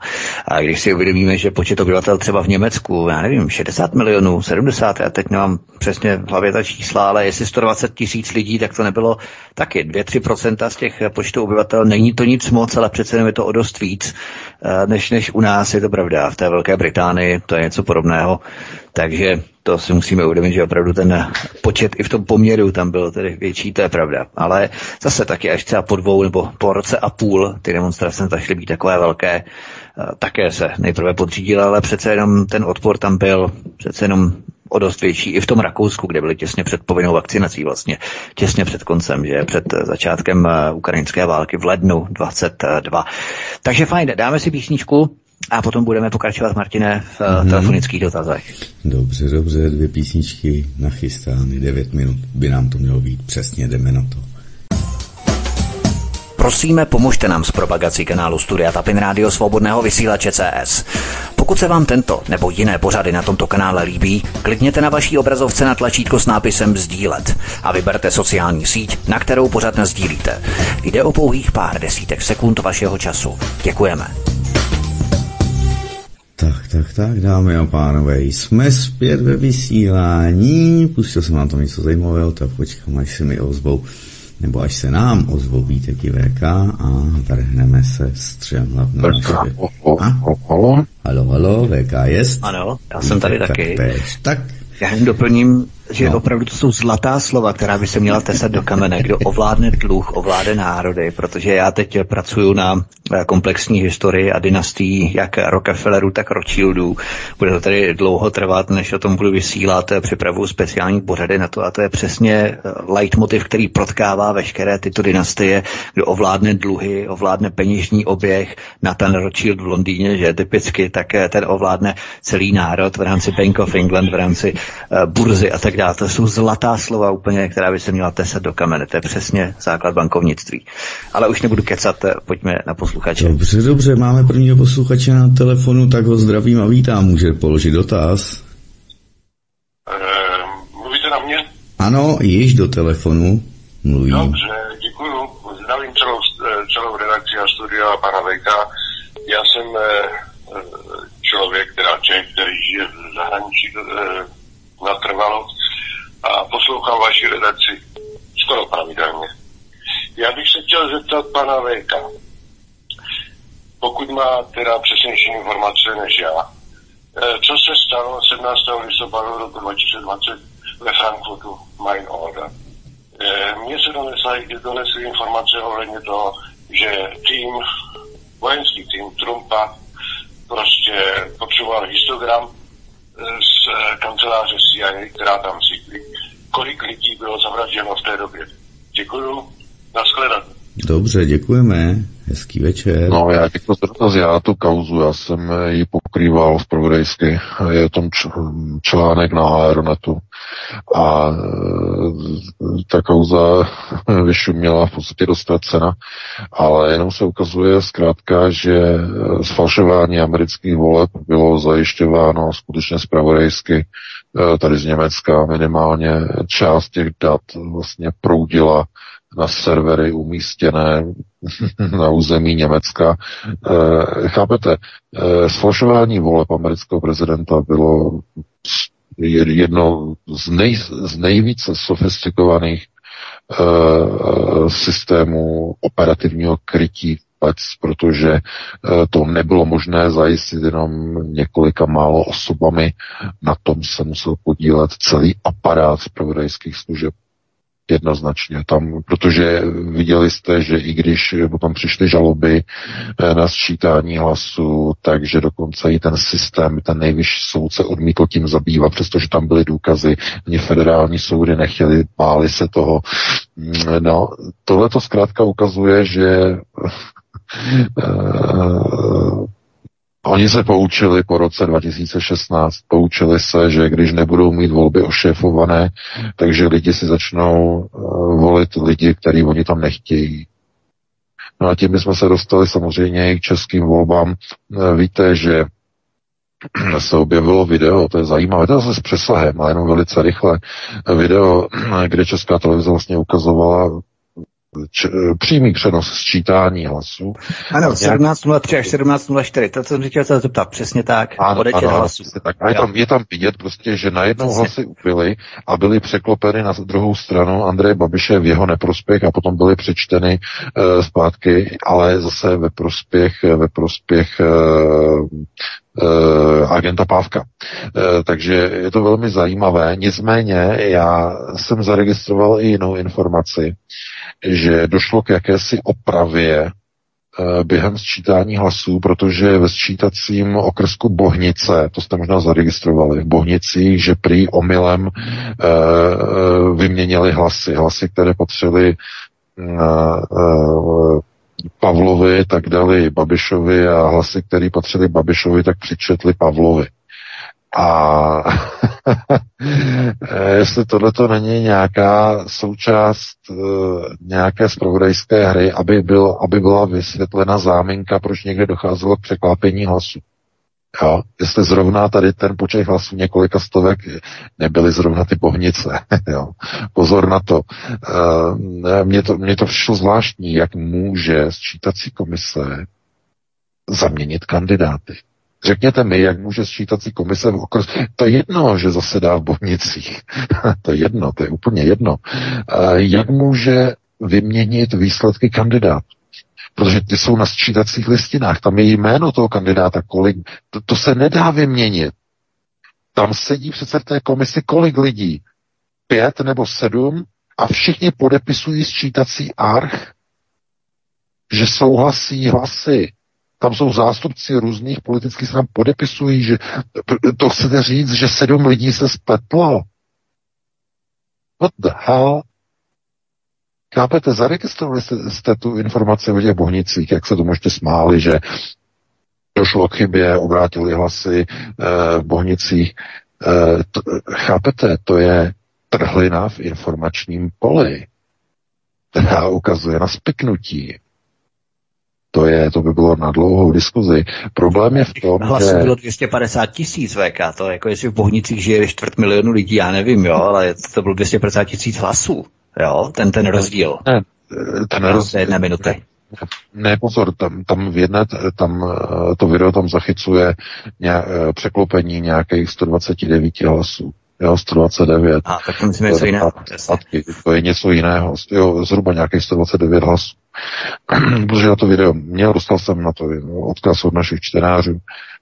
A těch 129 hlasů eh, prostě je velice zvláštní, protože přece v té okrskové komisi, v tom malém okrsku, teda té psychiatrické léčebny, myslím, že, že to bylo tam, že ta tisková zpráva byla o tom, že tam došlo k té záměně.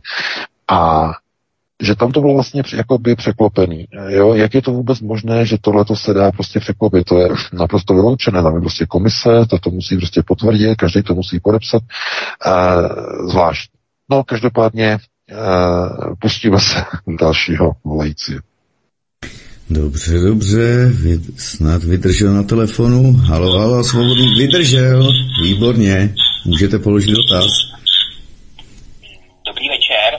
Dobrý. Já bych se chtěl zeptat na jeden nešvar, který teď tak zavádí, a to jsou datové schránky. Mojí máti, který je 75 let, přišel z ministerstva vnitra dopis, že má připravenou datovou schránku. Ona ale nemá počítač, ani chytrý telefon, ani internet nikdy nepoužívala, ani nemá zájem používat. V tom dopise se píše, že schránka začne fungovat i bez přihlášení a to po 15 dnech od doručení dopisu. Eh, dá se proti tomu nějak bránit? Díky za odpověď, přepínám a končím. Dobře, děkujeme. Hezký večer. No, já děkuji za dotaz. Tak tohle je třeba na někoho, kdo e, má s tím nějaké zkušenosti. To znamená zřizování nějakých služeb, eh, kde si člověk nevyžádá, tak stát to zprovozní za něj. No, ty datové schránky tak kvůli tomu, aby Eh, tam stát prostě ušetřil na papíru, že jo, na papírových známky, známky a porto, aby nemusel posílat prostě poštou, aby vám to chodilo přímo do schránky a e, tedy do té datové schránky.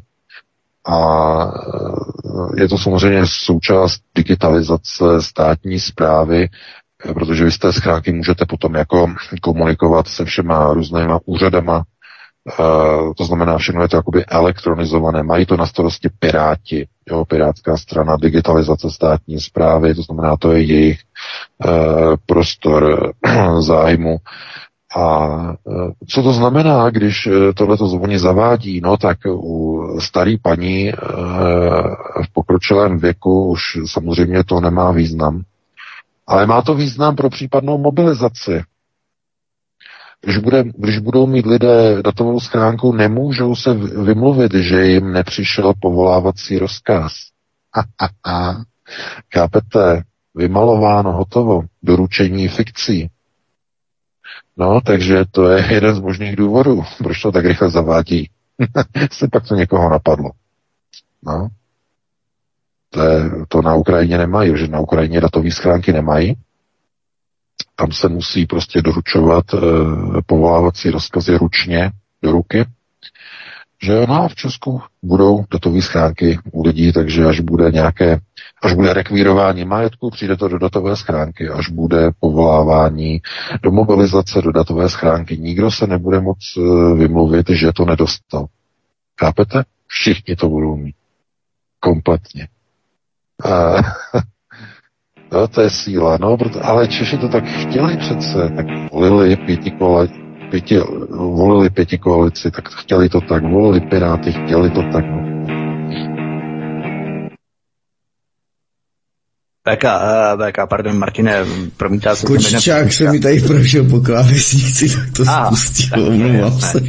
Já bych jenom podotkl, že v rámci té datové schránky to bylo původně plánované pro všechny osoby, ale stát prý od toho ustoupil a zavádí to povinně pouze firmám. A lidé, kteří aspoň jednou prý komunikovali přes se státní zprávou pomocí nějakého identifikačního čísla nebo něco podobného, tak eh, těm to zavádí automaticky, ale u kterých neproběhla ani jednou ta eh, komunikace v rámci toho identifikačního čísla, tak eh, těm by to prý jít nebo přijít nemělo automaticky. Jo? To znamená, že vaše maminka možná jednou nějakým způsobem si třeba zřídila tu identifikační, já nevím, jak se to přesně říká, identifikační číslo, mám takový pocit. A alespoň jednou minimálně přesto komunikovala i třeba fyzicky, jo, ale oni to nabídli, ona přikývala, že ano, budu mít nějaké identifikační číslo a v rámci toho oni, na základě toho oni vlastně poslali tu automatickou výzvu v rozřízení datové schránky. Jo. Tak je to možné, že něco takového třeba proběhlo, ale vím, že fyzické osoby to nemají mít právě z těchto důvodů, že lidé třeba ne,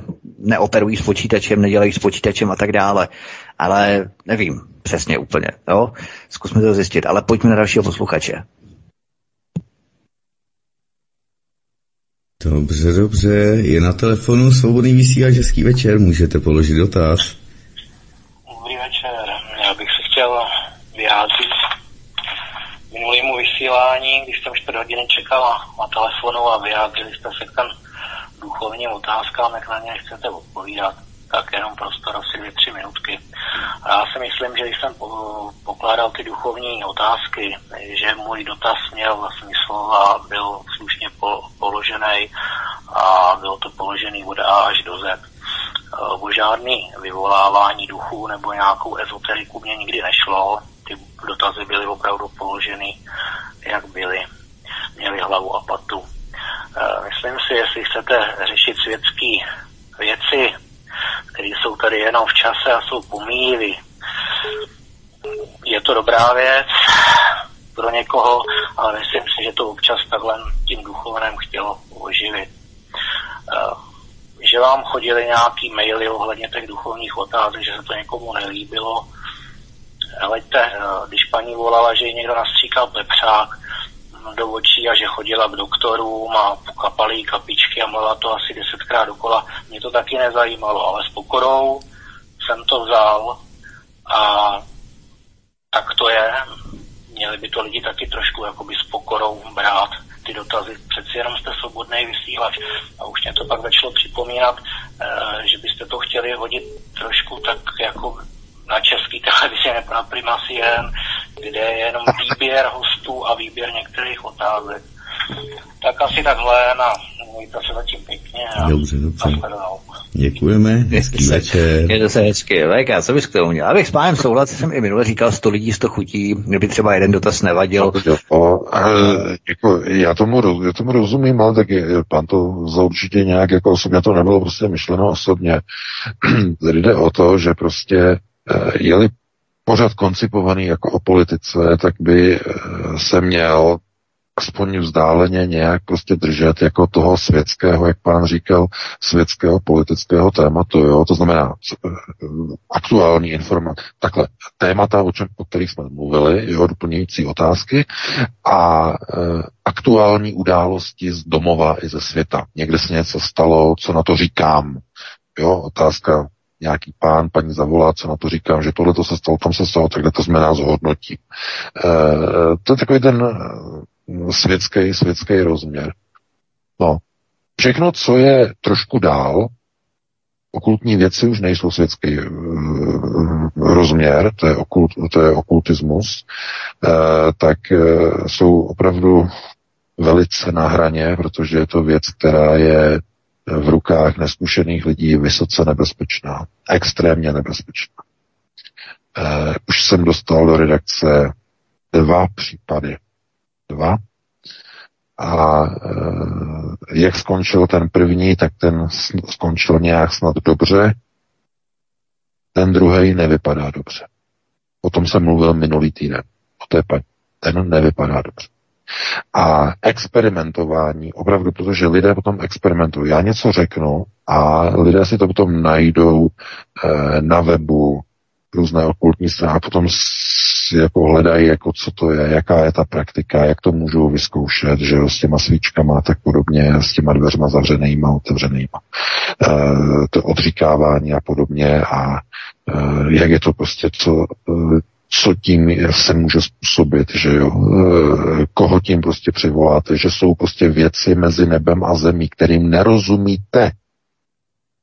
Nerozumíte věci mezi nebem a zem. Nerozumí. Věda jim nerozumí, protože jim nedokáže přijít na kloup, takže se o nich jasně, nemluví. Jasně, jasné.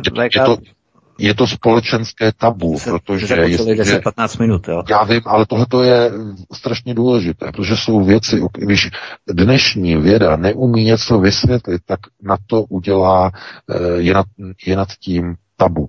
To znamená, Nemluví se o tom, nesmí se o tom mluvit, uh, ignoruje se to, protože to věda neumí vysvětlit.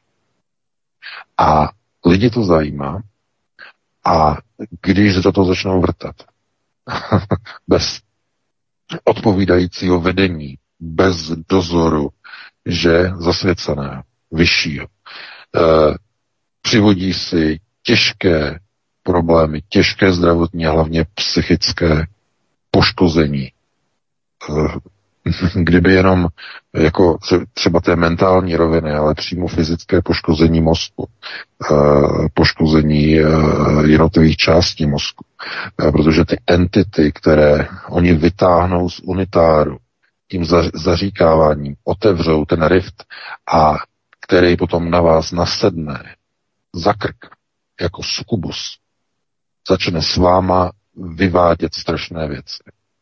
A proto já jsem řekl, že nebudu tyhle ty e, věci e, tady nějak konkrétně rozebírat, že když přijde nějaký takovýhle dotaz a bude se blížit k nějakému onomu okultnímu tématismu, který je už opravdu velice nebezpečný, tak to budu prostě přecházet jako mlčením a nebudu se k tomu vyjadřovat.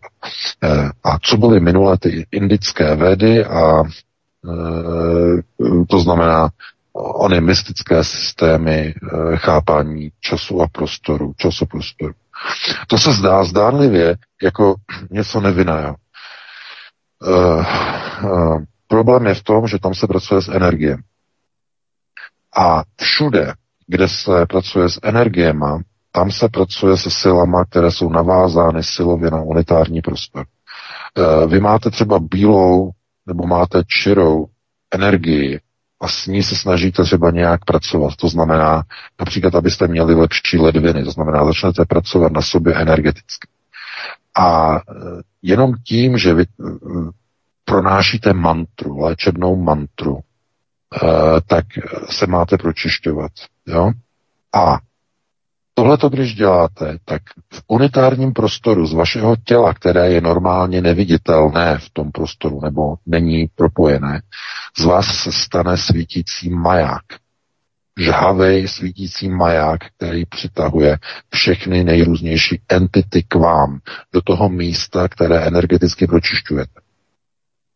A to je potom situace, kdy lidé, kteří nemají obranu, tak oni po, té, po téhle kůře nejenom, že se nezlepší, ale e, najednou cítí obrovskou bolest, cítí cizí hlasy v hlavě, které k ním promluvají někdy e, jazykem rodným, že mu rozumí, ale někdy cizím jazykem. Cizími jazyky, cizími, e, buď lidskými cizími jazyky, v lepším případě, třeba německy, svahelsky, jidiš, e, e, bengálsky, e, španělsky, podobně, různými jazyky, kterými nerozumíte, nebo kterým nerozumíte, anebo ještě hůř, jazyky z jiných civilizací, jiných entit, jiných planet.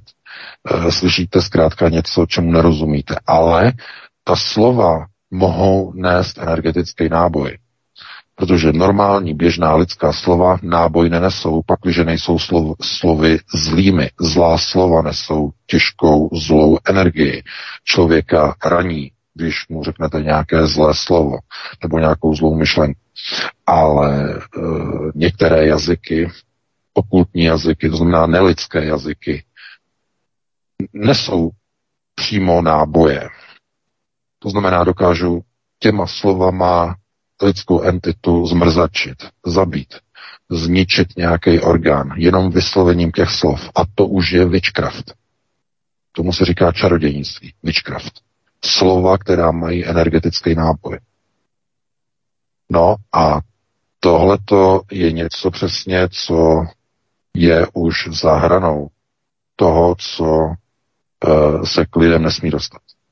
To je to, co je natolik nebezpečné, že uh, jenom při tom, když se snažíte, dostanete se k tomu nevinně, to znamená energetické systémy, abyste si udělali lépe, abyste měli třeba, nevím, se necítíte dobře, tak eh, začnete odříkávat nějakou mantru, kterou jste někde vyštrachali někde na internetu, že tady to od, odříkávej a ono ti to pomůže, aby si potom na sebe něco přivoláte. Takže proto o tady těch věcech nechci mluvit, hovořit a když identifikuju, že to je uh, ještě přijatelné, tak já o tom něco popovídám, když je to přijatelné a pokud je to někde za hranou, tak eh, k tomu se nechci vyjadřovat. Já doufám, že to, že to je takhle jasně dané. Budu rád teda, když to bude, budou ty otázky prostě v těch normálních eh, světských konceptuálních obzorech a eh, to neznamená, že to tady bude jako na české televizi, že budeme jako blokovat, to ne, ale snažte se, aby to zkrátka bylo v té civilní, civilní rovině světské rovině. Je to, to myslím, ten základ tady toho našeho pořadu. Takže takhle bych to jenom uzavřel s velkým přesahem no a pustíme se do dalšího volající. Dobře, dobře. Vydržel a čeká, tak já ho připojuji a může položit dotaz. Hezký večer. Halo, halo, dobrý večer, pánové. Tady Jiří. Já bych se chtěl zeptat na něco trošku jako skrytého, okultního, nicméně pan Vejka to tady milionkrát zmiňoval, sice eugenické záření a egregor. Zeptám se, ty věci vlastně působí na nás 24 hodin, když třeba bydlím nebo žiju v Praze a je tam nějaká rezistence zhruba 10% obyvatelstva. E, dá se ta rezistence nějak třeba udělat, případně podpořit. A co to vlastně znamená, ta rezistence? Že ten zářnění působí a že ho ta energie jakoby mine, nebo že neustále je s tím interferenci, že on třeba to vidí jinak, má jiný světonázor, eh, jinak jedná a tak dále. Na to jsem se chtěl zeptat, to znamená, jak se jakoby z toho vymanit, případně to na nějak eh, podpořit, regulovat, anebo zda opravdu jsme odkázáni slepě na to, co vlastně kolem nás se děje, anebo stále to přijímáme. Tak to je můj dotaz. Dobře, dobře, děkujeme. Hezký večer. Děkuji. Děkuji za dotaz. No, t- tak eh, to není, to není okultní, eugenika není okultní záležitost, to je, to je v pořádku, to nevadí. Uh, eugenické záření uh, je forma působení prostoru na člověka. To znamená, eugenické záření je působení vaš, celého prostoru, ve kterém žijete, na vás, ale pozor, pozor, to je důležité, na váš genom. Nikoliv na vaše uvažování, na vaší mysl. To je důležité. To je něco jiného. To je normální programatické eh, působení, že jako je propaganda, média, působení na vaše uvažování, to je něco úplně jiného. Aby nedošlo k mílce. Jo, to je něco jiného. Eugenické záření mění přímo váš genom. Když budete, eh, obrazně řečeno, kdybyste žili v prostředí, kde je pořád samá voda, pořád samá voda, všude teče nějaká voda, tak za nějaký čas vám mezi prstama narostou blány na plavání. To je důsledek eugenického záření. To znamená, prostor mění váš genom, aby jsme si rozuměli. Jo? Propaganda vám blány mezi prstama eh, nebo televize vám blány nevyrobí. Ale eugenické eh, záření ano. Po dlouhodobém vystavení a působení. No a ta rezistence. Co je to ta rezistence proti eugenickému záření? No, to je zajímavé. Uh, některé osoby ne exkluzivně, pozor, ne exkluzivně. Uh, nedá se říct, takhle to je a jiné skupiny na tyto působí a takhle ne, ale uh, ve velké části případů to nepůsobí na osoby, které disponují negativním a rovněž i částečně i pozitivním faktorem v krevní skupině nula. Z nějakého důvodu. Konec konců tohleto je trochu napojení na e, systém Amšela Charedim, to znamená vyvolená rasa po krevní linii po Abrahamovi. A e, e, důvodem je zřejmě nekompatibilita genomu lidí s touhle krevní skupinou vůči eugenickému záření minimálně toho, které produkuje tahle ta planeta, na které se nacházíme, teda planeta třídy G, Gaia. A hm, má to velkou souvislost zase znovu s těmi energiemi té planety, že jo? E, protože samozřejmě lidé, kteří cítí energie, které vycházejí z různých těles, to znamená ze stromů, z kamenů a podobně, tak dokážou vnímat energetické vyzařování a podobně. Ale co je důležité, že eh, to eugenické záření je do značné míry spojené s touhle planetou. A eh, to znamená ta schopnost měnit v prostředí, v rámci prostředí lidský genom.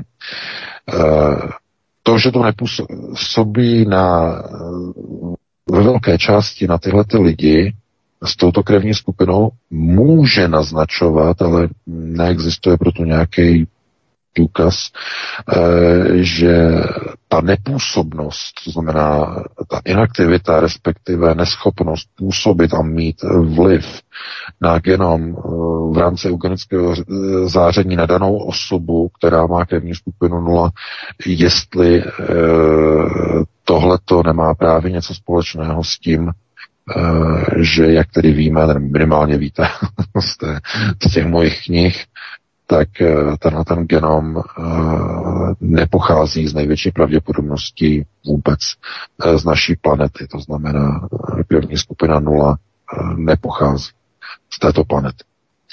No, bylo by to vysvětlující. To by bylo proto jako na odpověď pánovi, Eh, bylo by to vysvětlující, že lidé eh, mají tuhletu rezistenci právě tady z toho důvodu. Každopádně ale se ukazuje, že to není uh, exkluzivní záležitost. To znamená, nedá se říct, že jenom tyto osoby by byly proti tomu rezistentní, protože minimálně se ukazuje, že mnoho lidí má jinou krevní skupinu, kteří jsou rezistentní proti změnám na eugenickém prostoru. E, to znamená, e, pokud někdo se trošku ponořil do věcí a do knih okolo Karla Junga, e, tak možná na to taky narazil, ale ta schopnost prostě lidí odolávat nějakým procesům, které jsou společenské a vycházejí z prostředí, ve kterém se žije,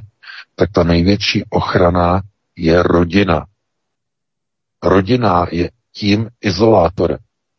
Izolátorem není čepička z alobalu, nebo že se celý navlíknete do alobalu. Ne. To je nepochopení způsobu, jak to záření funguje. Ta rodina, to prostředí té rodiny izoluje ty členy té rodiny od toho eugenického záření. Ta rodina. A ten vnitřní kruh. No a to je zase, proč, z jakého důvodu ta rodina? Proč ta rodina má eh, v archetypu teda uh, otce, nebo můžeme to říkat tak jako muže, ženy a dítěte, tenhle ten archetyp Eh, proč má takovou obrovskou sílu? Proč?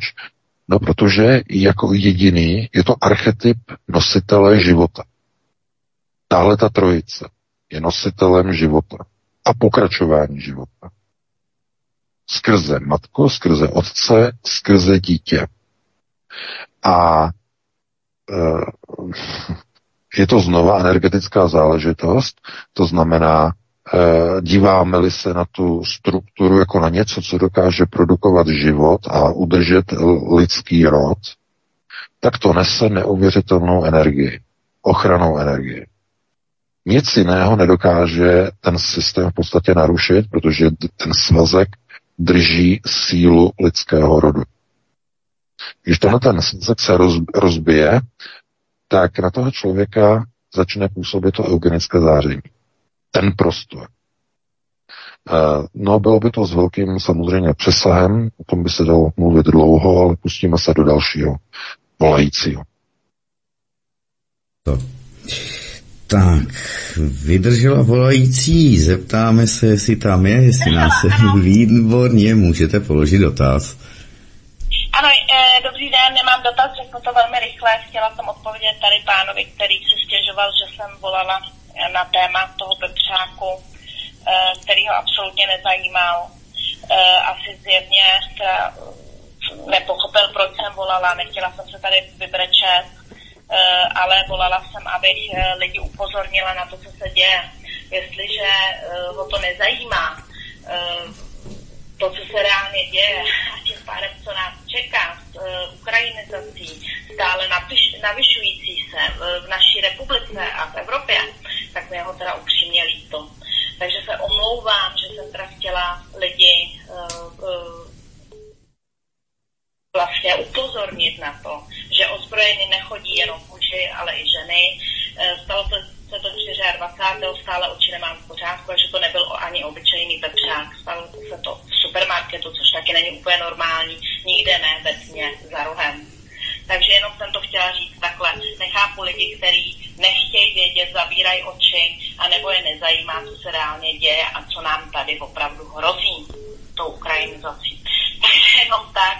Eh, děkuji moc krát za vaše vysílání a fandím vám. Díky, mějte se Dobře, děkujeme, hezký večer. Děkujeme a nám se namlouvejte, nás to zajímá. E, jsou to někteří, kteří nás to nezajímá, nás to zajímá. My jsme velmi rádi, že jste nám zavolala s tou zkušeností. To nás, nás zajímalo, to, co se děje, tak to je třeba, aby se to lidi rozvěděli, takže to, to je naprosto zásadní informace byla. E, pouze potvrzující ukrajinizaci českého životního prostoru. No. A komu je třeba poslat gratulaci? No tomu pánovi s těma titulama před a za jménem, že jo. E, čím více profesor, tím více Adidas Fiala. Takže tam je třeba posílat prostě poděkování za ukrajinizaci českého prostoru.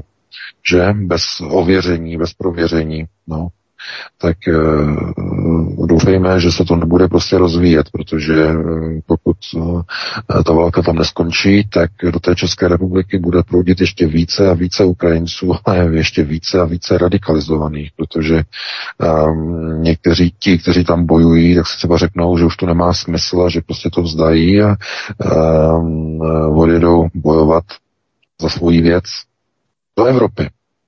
To bude potom síla.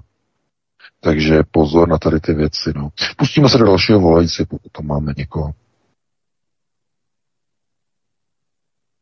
Tak, máme, ale teď se k němu nemůžu dostat. Jo, už. Svobodný vysílač, hezký večer, můžete položit dotaz. Hezký večer, já vás zdravím všem studiu a všem posluchače. Zajímala by mě jedna věc, nebo respektive až názor na to vyjádření Steva Herše, nebo Herše, toho novináře, na útoky na Nord Stream 1 2, jestli se to nějak projeví informace, nemyslím jako v našich médiích, já myslím, sleduju, že netuším, jestli se tam objevilo, ale vůbec jako celosvětově, jestli uh, se zmíní nějaký pohled na tuhle tu věc, která se stala, protože od toho září vlastně absolutní ticho, co se dělo, tak jenom váš názor na tuhle tu věc, jaký máte. Dobře, dobře, děkujeme. No, je to, je to, Eh, ten článek Seymoura Herše je, je naprosto zásadní a to ticho je ještě horší. To ticho, protože mainstream eh, mlčí, protože eh, Seymour Hersh je, je kapacita, jeden z nejslavnějších amerických novinářů, nejuznávanějších novinářů věhlasnej, eh, odhalil spoustu věcí, tedy od eh, kauzy Watergate, eh, odstoupení Richarda Nixona, odhalil eh, věci, které se týkaly Iráku, tam zneužívání a tam eh, mučení těch eh, vězňů ve věznici, věznici Abu Ghraib, že v Iráku. Tohleto Blackwater, skandály Blackwater, tohleto všechno je jeden z nejuznávanějších novinářů a on, on publikuje tuhle věc. Americká média, mainstreamová velká mlčí. Protože to je šok. Ne, to není šok ani co tam píše že to udělali američané, že vyhodili do vzduchu uh, ropovod ve společném vlastnictví Německa a Ruské federace. ne, nejsou uděšení ani kvůli tomu, že tímhletím krokem velmi reálně Spojené státy provedly akt války proti nejenom Rusku, ale proti Německu. Akt války. Akt terorismu i ne, možná. Terorismus? Ne, ne, ne, to už není terorismus, to je akt války. Ja. Protože, protože terorismus by, by to byl, Vítku, kdyby ten útok provedli civilní osoby. Ale tohle to provedli američtí potápěči amerického vojenského námořnictva, Navy Seals. To znamená, v tom okamžiku už to není terorismus, ale je to válka. A Myslím, že jako tomu se říká státní terorismus, jako Izrael třeba dělá státní terorismus. No, víš, jistě, ale to, státní terorismus, by to, to by bylo znovu civilní a byla by to civilní rozvědka. Kdyby ten terorismus provedla civilní rozvědka, byl by to třeba státní terorismus jasně, proveden. Jasně, Ale jakmile je v tom zapojený voják, je to akt války. Jo, to je mezinárodní právo. Je-li to voják, je to, nebo námořník vojenského námořnictva, je to akt války. A co, co je na tom to nejzajímavější? Že to není ten největší šok. Ten největší šok amerického mainstreamu je, je v tom, že tuhle informaci přinesl jejich vychvalovaný a nejslavnější novinář. Protože oni s hrůzou teď zjišťují, že ho nemůžou diskreditovat. Že se sice o to můžou pokusit jako že zdroj pochybný a tak dále, ale nemůžou ho zdiskreditovat vzhledem k jeho historickému kreditu. Nemůžou. To je šok.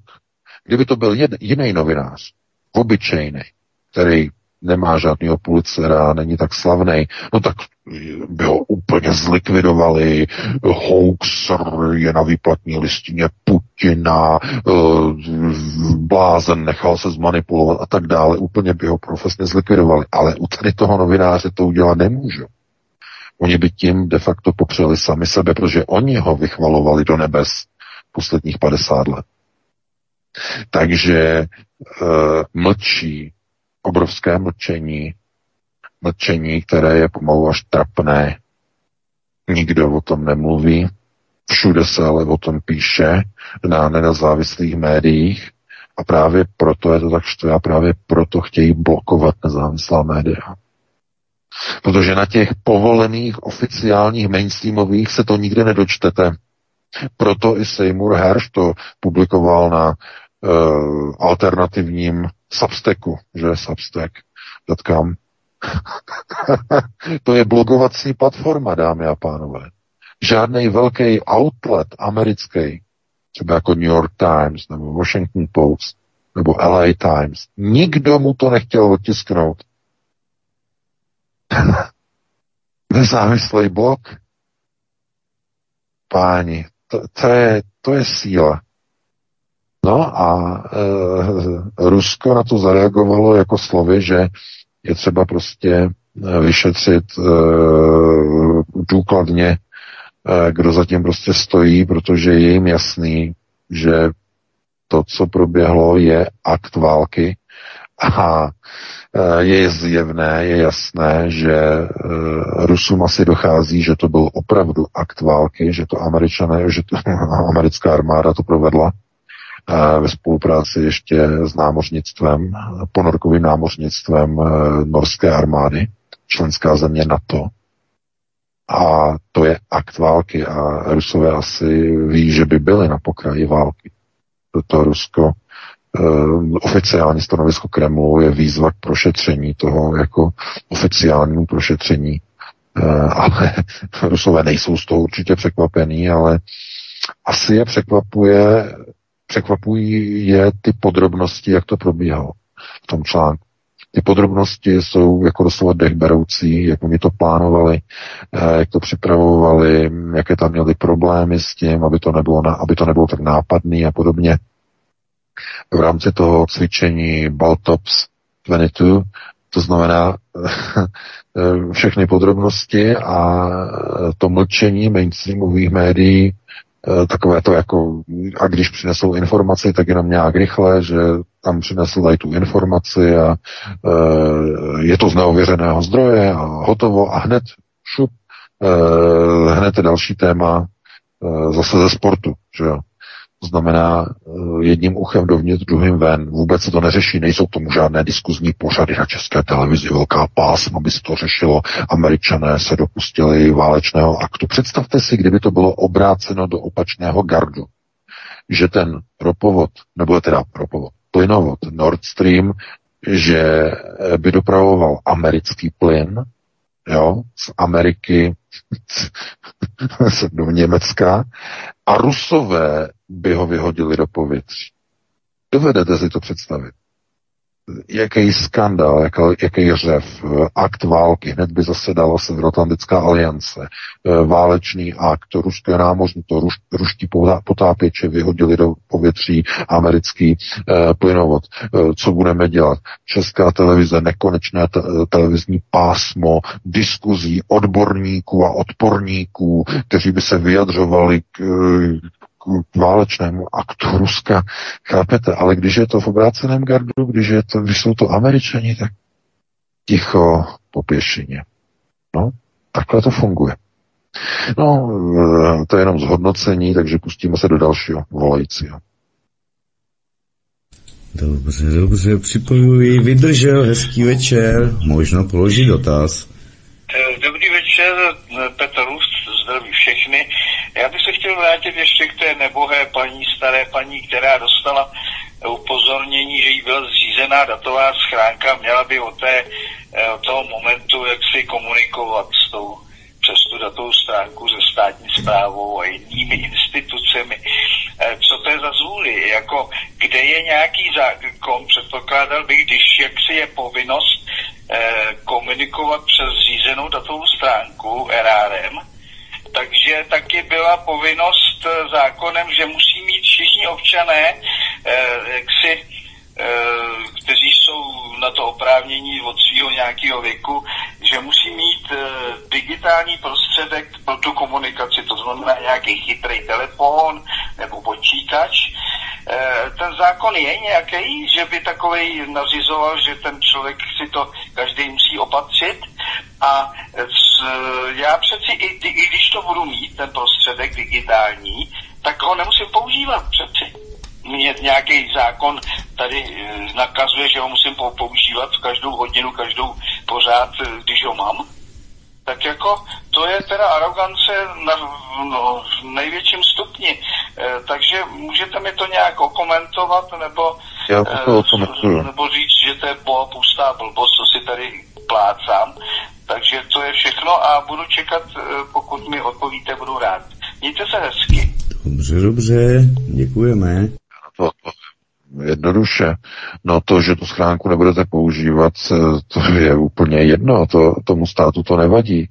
On vám tam bude zasílat svoje rozhodnutí a e, e, doručování probíhá takzvaně fikcí. České republice, myslím, stále, to ještě asi nebylo zrušeno, ne? E, doručování fikcí. To znamená, když vám to doručí do schránky, tak je to považováno za doručené. A je-li to datová schránka, no tak e, tím spíš, to znamená to, že si to tam nevyzvednete, e, tak to nemá prostě na doručení žádný prostě vliv. No. Eh, a navíc ty eh, zprávy v té schránce datové taky nezůstávají na pořád. Jo, to je další věc. Jo, tam se to nějak maže nějak po já nevím, po kolika měsících se tam smaže. Tam přes, jo, prostě můžete si tam teda nějak nastavit, myslím, nějaký to, nějaký to přeposílání na e-mail, ale jinak ty věci tam mizí asi po třech nebo po čtyřech měsících. Se to maže automaticky. Takže když tam nechodíte třeba rok, tak to ani nevíte, co tam prostě přišlo před, před čtyřma, pěti, šesti měsícema.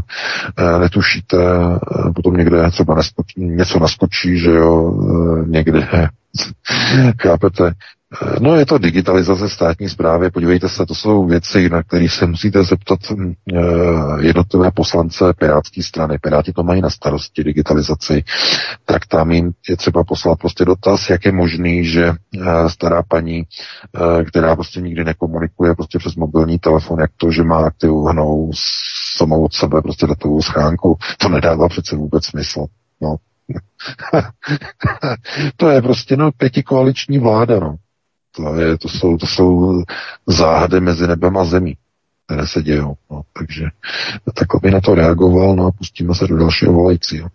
Už asi zřejmě posledního posluchače, jen doplním, že ta zpráva na datové schránce vydrží tři měsíce. Je možné si zaplatit takzvaný datový trezor, ta zpráva tam potom vydrží déle, třeba půl roku a tak dále, to jsou samozřejmě placené služby, zbytečné, ale dá se samozřejmě nastavit, aby upozornění, nikoli samotné zprávy, protože to je citlivé, jsou citlivá data, ale upozornění, že na datové schránce máme novou zprávu, tak aby to upozornění přišlo na e-mail, takže to se dá nastavit a člověk se nemusí po každé dívat každý druhý den do datovky, ale přijde to automaticky e-mailem, takže to nějakým způsobem se dá aspoň takto částečně ošéfovat, že člověk o nic nepřijde. Tak uh, posledního posluchače máme. Dobře, dobře, hned připojuji do vysílání. Svobodný vysílač, můžete položit dotaz. Hezký večer. Halo, halo. Halo, halo. Dobrý večer. Můžu mluvit? Ano. Tak, já jsem se chtěla pana Vehta zeptat, eh, jak se minule zmiňoval v jednom nějakém tom vysílání klesu kyslíku a nárůstu CO2, tak jakým způsobem budou sem to CO2 pouštět a jak docílí takového velkého poklesu toho kyslíku. A na to hnedka navazující otázka, proč tedy teď tak komplikovaně snižují počet obyvatel, když je jistota, že se udusíme a nikdo tu vlastně jako nezůstane. Nějak tak stručně děkuji za odpověď. Krásně. Dobře, děkujeme, hezký večer. No ano, samozřejmě. No, co se týče eh, tady zvyšování a snižování jednotlivých objemů kyslíku a eh, oxidu uhličitého, eh, tak je třeba si uvědomit jednu poměrně jako zásadní věc, že ten proces velderizace, o kterém já píšu, tak má právě za úkol zesílení tedy obsahu nebo objemu takzvané zeleně, to znamená znovu tedy eh, jakoby zelená města, zelená planeta, ale takovým tím hodně zvláštním, no ne zvláštním, ale až děsivým prostě způsobem, který byl uveden na georgijských kamenech. To znamená eh, snížení počtu obyvatel jenom na 500 milionů na planetě maximálně a e, samozřejmě to by vedlo k velmi brutální vilderizaci, to znamená zdivočení planety doslova. Prázdná, vyprázdněná města, zarůstající vegetací e, a nejenom velká města, ale malá města. Protože lidé samozřejmě by se e, zmenšovali do nějakých skupin, do nějakých celků, kde by byla práce a kdyby byla zároveň i půda pro fungování a pro zemědělství a byly by to zřejmě nějaké rurální, to znamená venkovské zemědělské oblasti. To znamená přesun z měst na venkov směrem k půdě. Uh, všechno to, co probíhá tedy uh, na planetě Zemi, tak teď momentálně, když se na to díváte, tak snaha tedy o elektrifikaci, snaha tedy o omezení pohybu lidí, aby neprodukovali tolik emisí, Všechno to vypadá jako naprosto šílené a bizarní sociální inženýrství s nějakým zvláštním neidentifikovatelným cílem. A cílem má být zkrátka to, že člověk se nebude smět vůbec pohybovat, ale bude to tak, aby nechtěl se pohybovat, respektive aby neměl důvod se pohybovat. A e, to znamená úplně omezení uhlíkové stopy, maximální omezení. No a to samozřejmě povede k tomu, že e, začne klesat populace, Eh, lidé je samozřejmě indukcí v potravinách a právě eugenickým zářením v rámci tedy LGBT procesu. To je mimochodem jedno z největších a nejsilnějších eugenických záření vůbec, protože ten proces je mířený už ve školství a v médiích, v průmyslu, Eh, ve filmech, v seriálech, dokonce i v počítačových hrách a podobně, eh, přímo na děti je mířený. To znamená neochota o rozmnožování, neochota o heterosexuální vztah, eh, zablokování tedy toho principu muže, ženy a dítěte jakožto svazku, který nese život, to znamená populaci. A to nemůže vést ničemu jinému, než právě v dlouhodobém horizontu ke snížení populace na planetě Zemi. To znamená k tomu původnímu číslu, které tam bylo na těch kamenech uvedeno, to znamená pouze 500 milionů lidí maximálně na celé planetě. No a e, když se podíváte na tu společnost, jestli podporuje reproduktivní svazky, podporuje vyspělá západní společnost reproduktivní svazky nepodporuje. Podporuje uh, genderově různé deviantní procesy, uh, které jsou takzvaně upřednostňovány, jsou hypovány, to znamená, jsou propagovány a de facto dostávají se do hlavních rolí filmů, do hlavních rolí seriálů, Uh, řeší se prostě genderové otázky a díváte se jako na to jako ně, na něco neuvěřitelného, že ty lidi se zbláznili, jaké mají problémy. Lidé přece mají spoustu jiných problémů, než řešit někde nějaké problémy někoho, kdo nemá jasno, jaké má pohlaví. Ale problém je v tom, že to eugenické záření, tohleto, když eh, vystavíte tomuto záření malé děti ve školním věku a podobně, tak e, začne toto záření na ně přímo působit. Začnou se měnit přesně podle tohoto schématu, ale ne myšlenkama, a s myšlenkama samozřejmě taky jako propaganda a tak dále, ale přímo geneticky se začnou měnit. Oni to nedělají kvůli tomu globalčiky, že? To nedělají kvůli tomu, e, že by něco zkoušeli. Ne, oni ví, že to funguje. Právě to eugenické záření, to je jedna z věcí, která je, patří do té skupiny věcí mezi nebem a zemí, eh, minimálně ne až tak moc jako některé ty velmi silné okultní záležitosti, ale e, každopádně oni to mají velice dobře promyšlené a i ten důvod, proč třeba v Ruské federaci jsou tyhle ty věci zakázány ve školství a podobně, snaží se ten prostor tam od toho ochránit. No, každopádně to je všechno. E, máme 22.04, to byl poslední dotaz, poslední odpověď.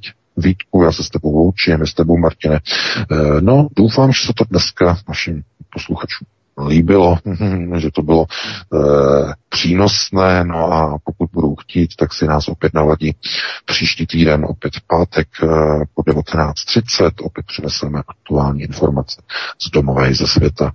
E, užijte si týden, hlavně tedy víkend nadcházející, no a pro tuto chvíli vám přeji krásnou dobrou noc. Já se s tebou taky rozloučím, VK, měj se moc krásně, díky za informace, tobě Martine taky, vám i milí posluchači, že nám voláte, sdílíte nás. Jak už VK řekl, příští pátek eh, pokud budete chtít, nalaďte si nás, my pokud budeme chtít, tak přijdeme. ne, to je samozřejmě my určitě přijdeme.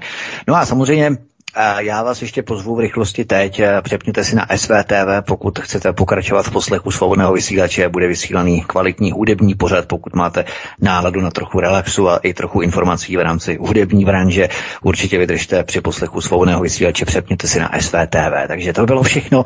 Za chvíli bude kanál Odyssey publikovat archivní materiál v rámci tohoto pořadu záznam, takže na to si počkejte, pokud chcete třeba nějaké informace zopakovat. Já se s vámi loučím, mějte se hezky. Od mikrofonu vás zdraví Vítek. Dobrý večer, případně dobrou noc. Tak, tak, tak, dámy a pánové, našel jsem zajímavý článek ohledně těch eh, datových schránek, ohledně OSVČ, je to od 1. ledna letošního roku, takže querulant.org a Vojtěch Razima se tímto případem zabývají v kauzách, dokončené kauzy to naleznete.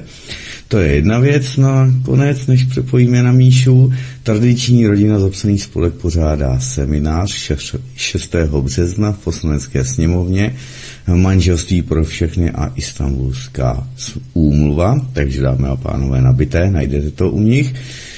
A také jsem chtěl ještě zmínit jedno, co mi došlo, takže 4.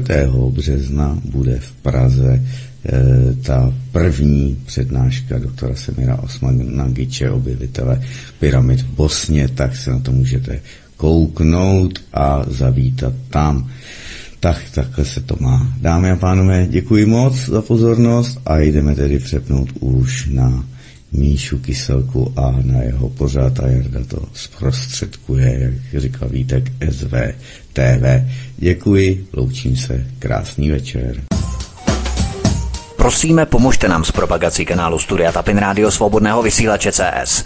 Pokud se vám tento nebo jiné pořady na tomto kanále líbí, klikněte na vaší obrazovce na tlačítko s nápisem Sdílet a vyberte sociální síť, na kterou pořad sdílíte. Jde o pouhých pár desítek sekund vašeho času. Děkujeme.